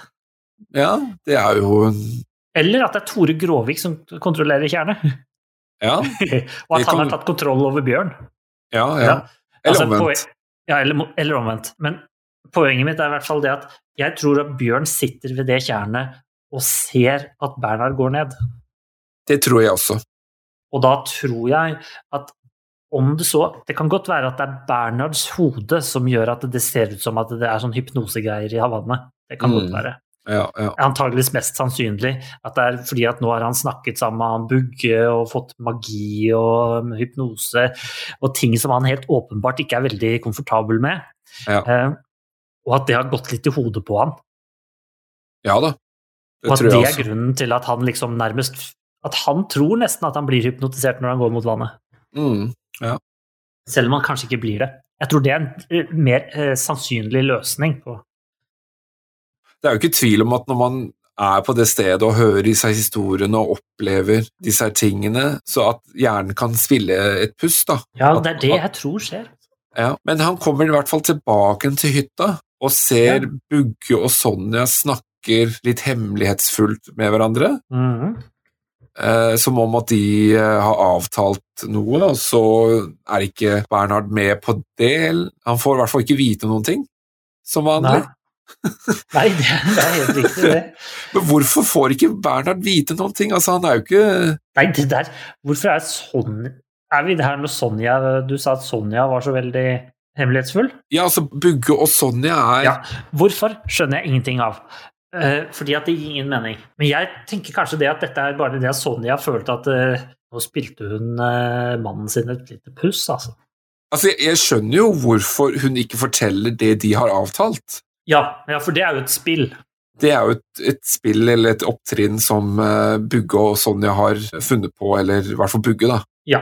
Eh, men sånn generelt sett, hvorfor vil ikke folk fortelle noe til Bernhard? Bernhard er den utenfor skruen, da. Ja. Det kan jo være at de vil- ville vært litt Altså, Bernhard er jo veldig nervøs type. Ja. Hvis jeg tenker på det her nå, så tenker jeg, og når jeg også hørte på så filmen og løsningen, så tenkte jeg også det her egentlig, at jeg tror at, de, at Bernhard ville satt en stopper for at Sonja kunne være med på dette. Ja, det, det tror jeg også, hvis han visste for mye. Så derfor sier han ingenting. Og derfor vil han heller potensielt få Bernhard til å tro at de har et forhold eller noe. Altså, fordi det er jo det man sitter med, i hvert fall i dag sitter vi og tenker at det er noe sånt. Og Sonja? Ja, altså, det, altså vi, at det, det, som At Bernhard vil tro, fordi at de vil ikke si hva de har holdt på med. Altså, det har skjedd et eller annet litt sånn lugubert. Ja, altså Bernhard tar jo veldig lett på det, så det er, jeg, tror Ja. han, jeg tror ikke han mistenker Bugge for å for å Han har jo gjort det allerede.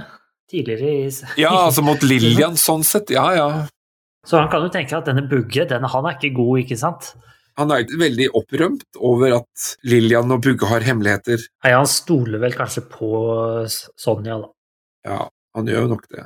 Og tenker at han får vel vite dette her på et tidspunkt hvis det var farlig. Bugge påstår at han har løst hele mysteriet Ja, med at Bjørn har forsvunnet, eller hva som egentlig har skjedd med Bjørn. ja, riktig. Bjørn har vært sykelig besatt av sin egen søster, Ja. og her begynner jo mange brikker å falle på plass, tenker jeg i hvert fall.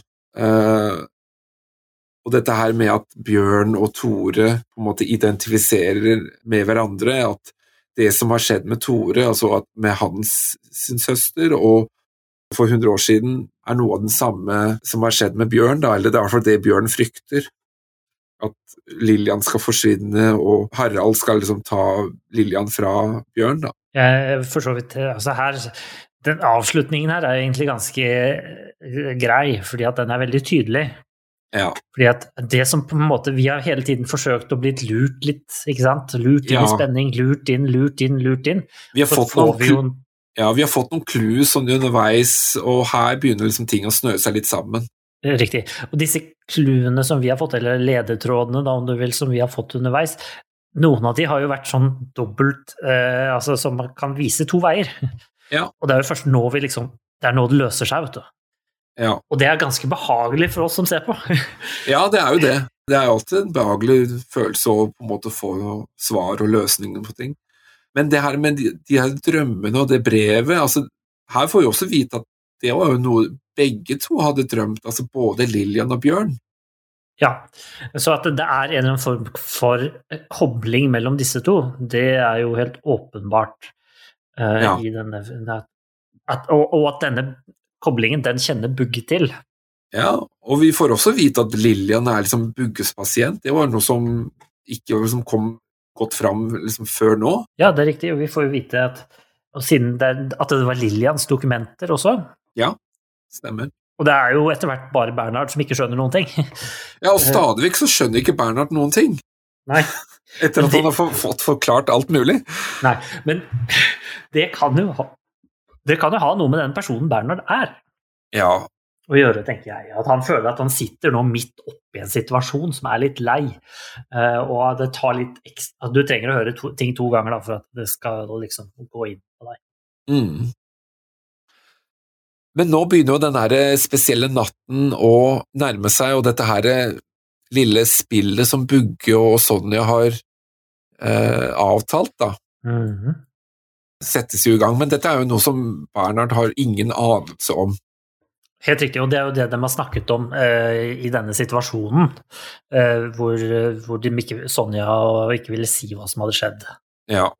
Og Eh. så Ja, Ja, og da er det jo sånn at Bugge tar jo Bernhard med seg ut. opp mot uh, tjernet for å møte Tore Gråvik, da. Det er i hvert fall det Bugge sier. Ja. I gåsetegn.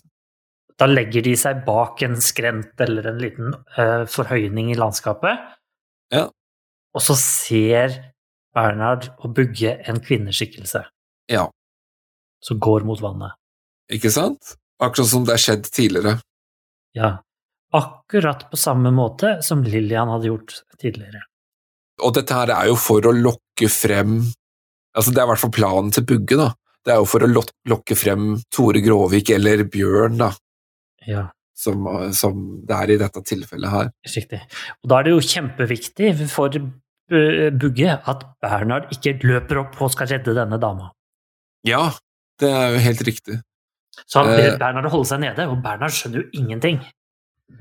Ja, for hun faller jo ut i tjern og forsvinner og svømmer jo et eller annet sted. Ja. Eh, og akkurat den der scenen, jeg syns den også er litt sånn uhyggelig, sånn måten hun liksom faller ut i vannet. Altså, ja, så bare forsvinner hun. Ja, ikke sant? Helt sånn derre som om at hun ikke har kontroll på det hun egentlig gjør. Altså, hun går liksom sakte mot, og så liksom bare sakte Altså, det er ganske uhyggelig stemning, altså. Ja, det er, og det er jo ikke sikkert at du, når du sitter der, at du har knekt koden, at dette her er At dette her uh, ikke er staged. Nei, og jeg, og jeg, jeg skjønte ikke at det var eh, Sonja. Nei, ikke jeg heller. Kort etterpå så dukker jo da opp en eh, skikkelse Ja, en mannsskikkelse der, som går imot der da denne damen hoppet ut, eller falt ut. Ja, for han vil jo da Jeg antar at han vil liksom prøve å følge etter. Ja, men han stabber jo bortover og går sakte og rart og Ja, ja, ja. Eh, og til slutt så kaster han vel seg ut i vannet før de andre rekker å ta han. Bjørn Werner, sier de Henki Kolstad i hvert fall. Ja, han ser i hvert fall at det er bjørn et Ja. kort øyeblikk, og så Men stikker ikke Bjørn av innover i skogen? Nei, for vi hører plask. Han kaster seg ut i vannet eh, før de rekker å ta han. Altså, han forsvinner liksom litt inn i skogen, og så tror jeg de hører et plask. Det kan godt hende at han egentlig bare lurer dem. Ja, riktig. Han ler masse, og så hører vi et plask. Ja. Så Det de, at han ler de tror jo at han har kastet seg ut i tjernet og liksom Ja. Nå er det slutt, nå er skråstrek, eh, altså Bjørn skråstrek Tore over og ut. ja. Og nå kom jeg på noe interessant. okay. sånn i lys av det som vi kommer til akkurat etterpå nå, det er jo at kanskje Bjørn egentlig bare har lurt dem, Ja. og at han egentlig ikke liksom har druknet og forsvunnet, men egentlig eh, lever og gjenoppstår og er et gjenfeid enda. Eller jeg Ja. vet ikke om det er et gjenfeid, altså, men for du har jo den der fjæra på slutten av filmen. ja. Jeg, jeg, jeg tenker at det er reelt. Hvorfor i all verden skulle han le så fælt før han hoppa i vannet? Ja, nettopp. Er det for å vise at han er mentalt ustabil og tar sitt eget selvmord? eh, Som, ja. jeg vet ikke. Men de går nå i hvert fall tilbake til hytta. Ja, og de tenker at nå er alt år og ut. Ja, Møter lensmann. Ja, og da er det jo da Sonja kommer inn sant, med vått hår, og så skjønner han jo at dette her var jo et Ja, at Lillian har ligget og sovet på rommet enda, og Ja. Sonja kommer med vått hår, og da forstår Og han får fortalt at dette her stagea vi. Ja. Vi satte det opp. Men her er jo et eh, lite poeng. Hvis Bjørn og Lillian har liksom den her nære eh, forbindelsen, da, sånn telepatiske forbindelse, ville ikke han ha skjønt at det ikke var Lillian som var i, ved tjernet? Ja. Kan det være at eh, han ikke hmm. Det burde han skjønt. Men er det sånn at grunnen til at disse kjenner At de føler at de har den telepatiske eh, forbindelsen, er fordi at de begge to har vært og snakket med samme psykolog Nei, det tror jeg ikke, for jeg tror de har hatt den hele eh, livet? hele livet, eller i hvert fall store deler av livet. Ja, riktig. Nei, du, det der vet jeg ikke, men eh, det er mulig at den ikke er så kraftig, denne, da. Hva var det jeg skulle si? Jo, Vi sitter alle der inne og snakker sammen og forklarer hvordan ting går.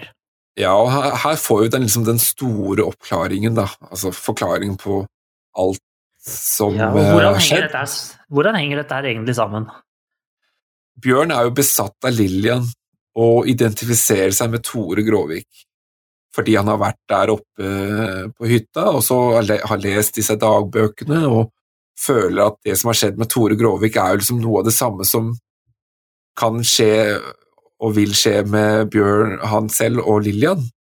For Ja. de har jo da en veldig nær eh, tilknytning til hverandre, og Bjørn er jo besatt av Lillian. Altså han vil jo nærmest ha et forhold med Lillian. Ja, det virker som at dette her er noe seksuelle greier. Ja. Og dette her peker jo litt tilbake Eller nei, det gjør det jo ikke. Jo. Dette her er jo kanskje litt av forklaring med hvorfor Harald ikke likte Bjørn. Kanskje han visste og begynte å ane hva Bjørn egentlig var, eller Ja. hva han egentlig var interessert i.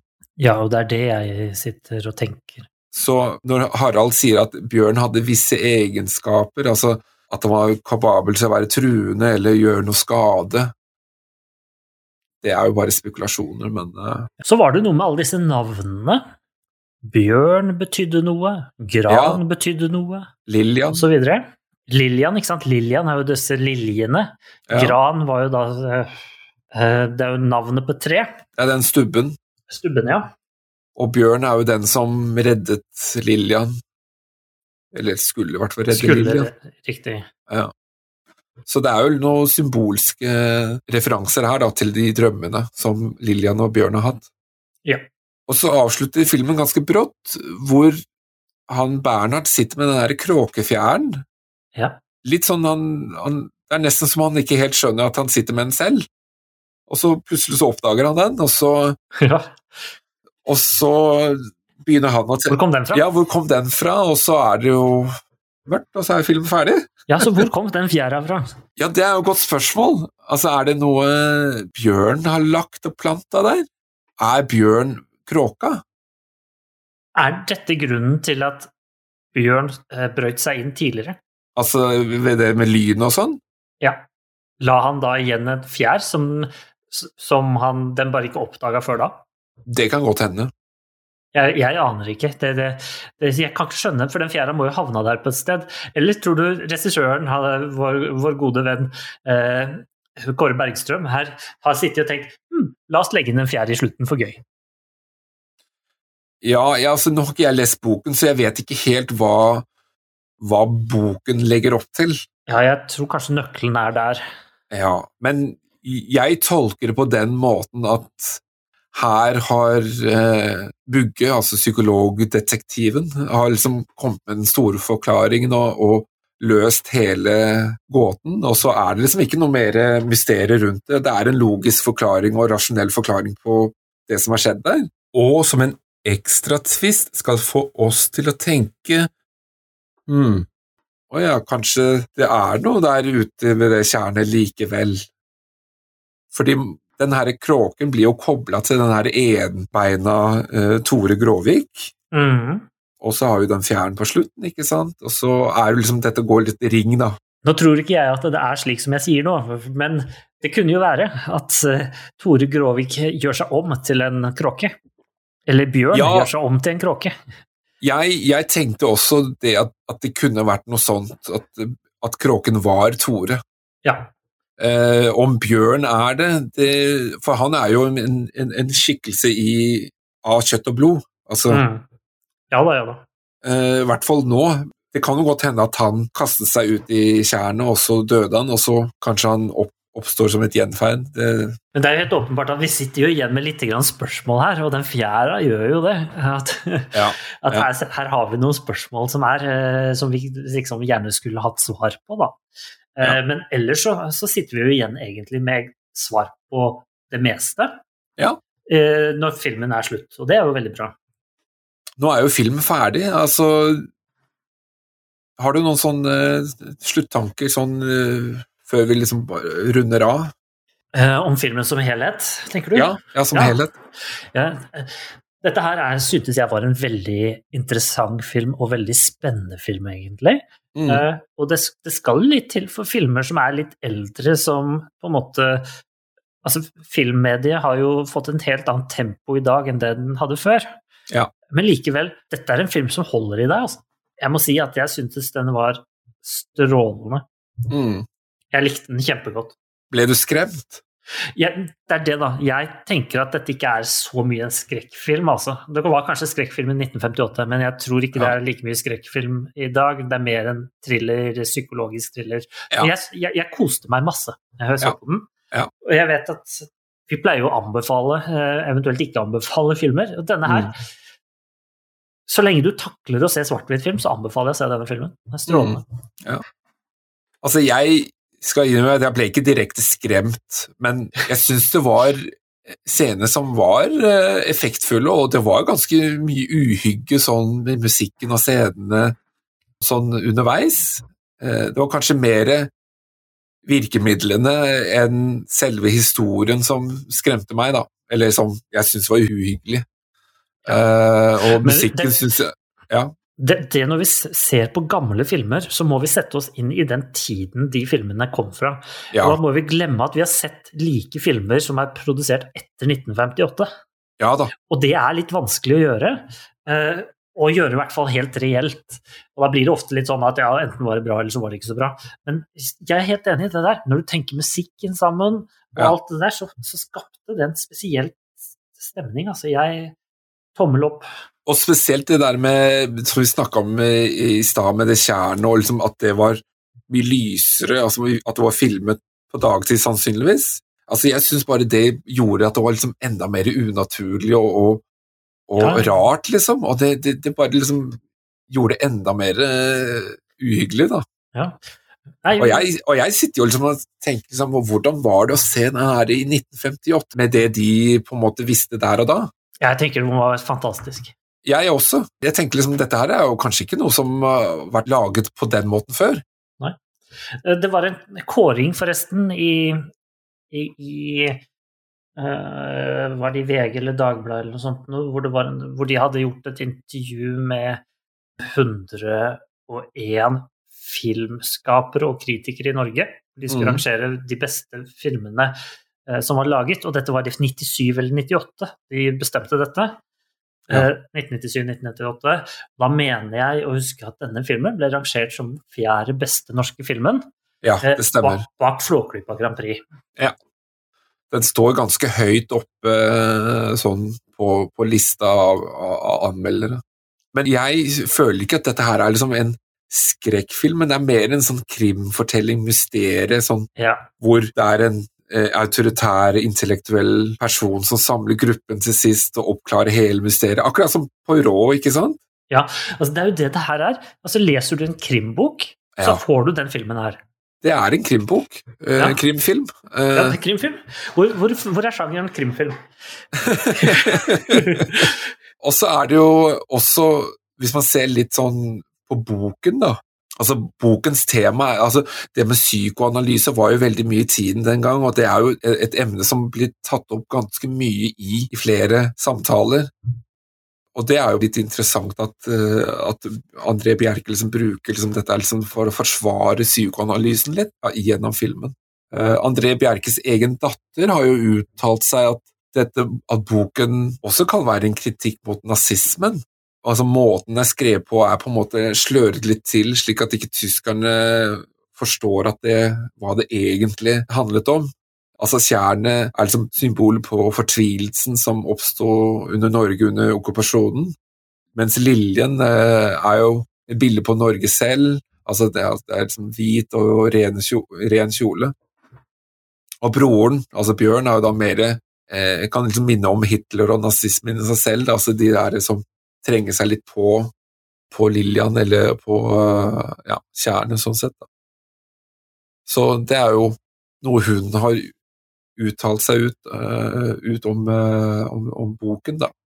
Så hva, hva synes du, du skal, hvis du skal Jeg synes jo Er dette en anbefaling?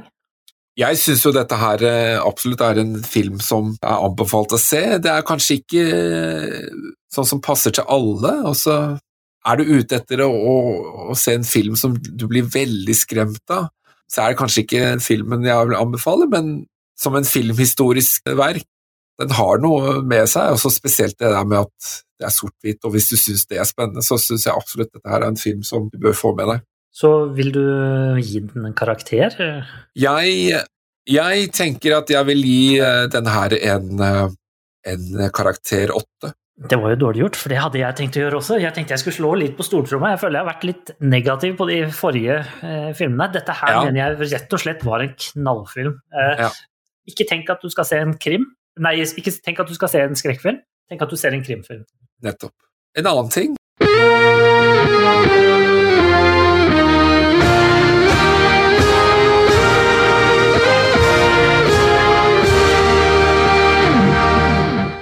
Typisk norsk? Var det noen eh, typiske norske ting du oppdaget i filmen?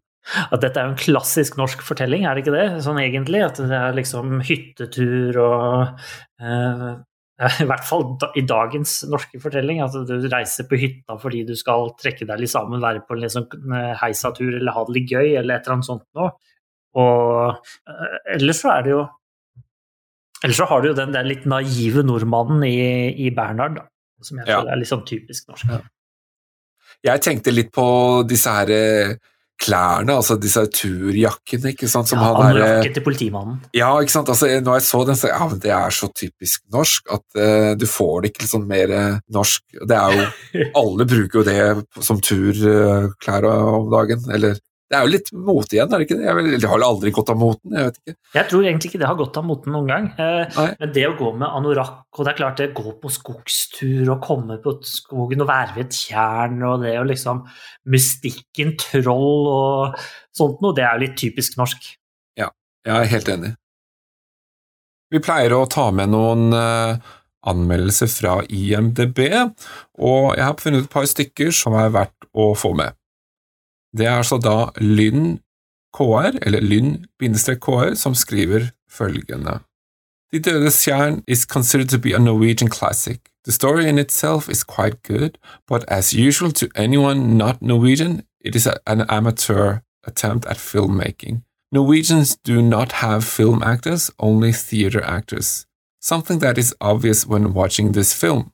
The dialogue is spoken in a way no Norwegian would speak.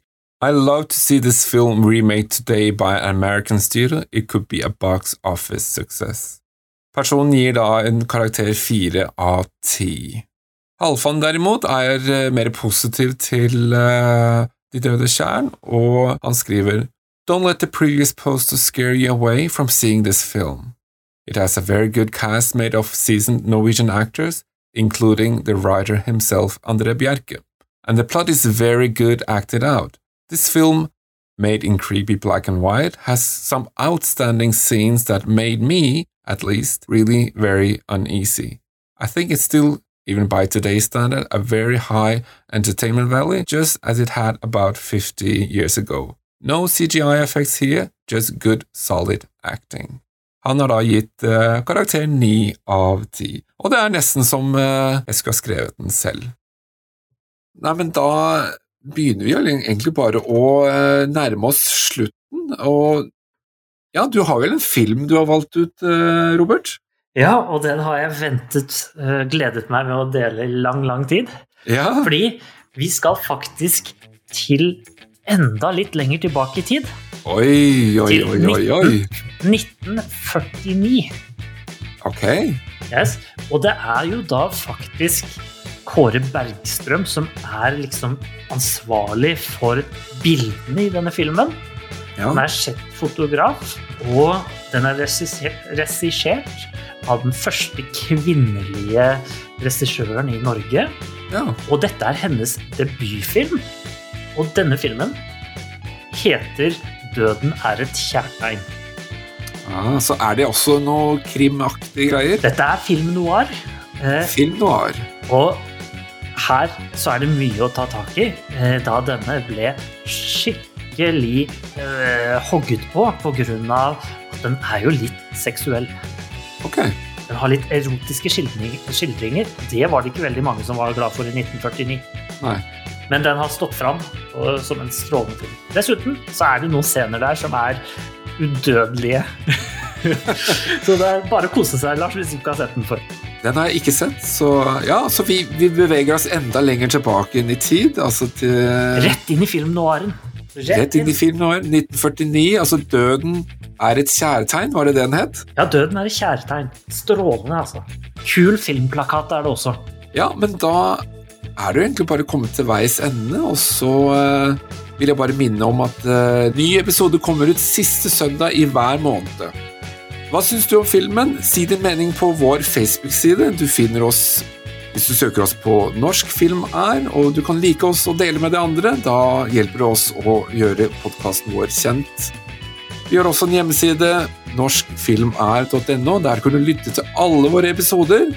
Og dessuten også lytte oss på Spotify, Apple og Google. Og Da er det jo bare å si ha det bra og godt nytt år. Ha det bra. Godt nyttår.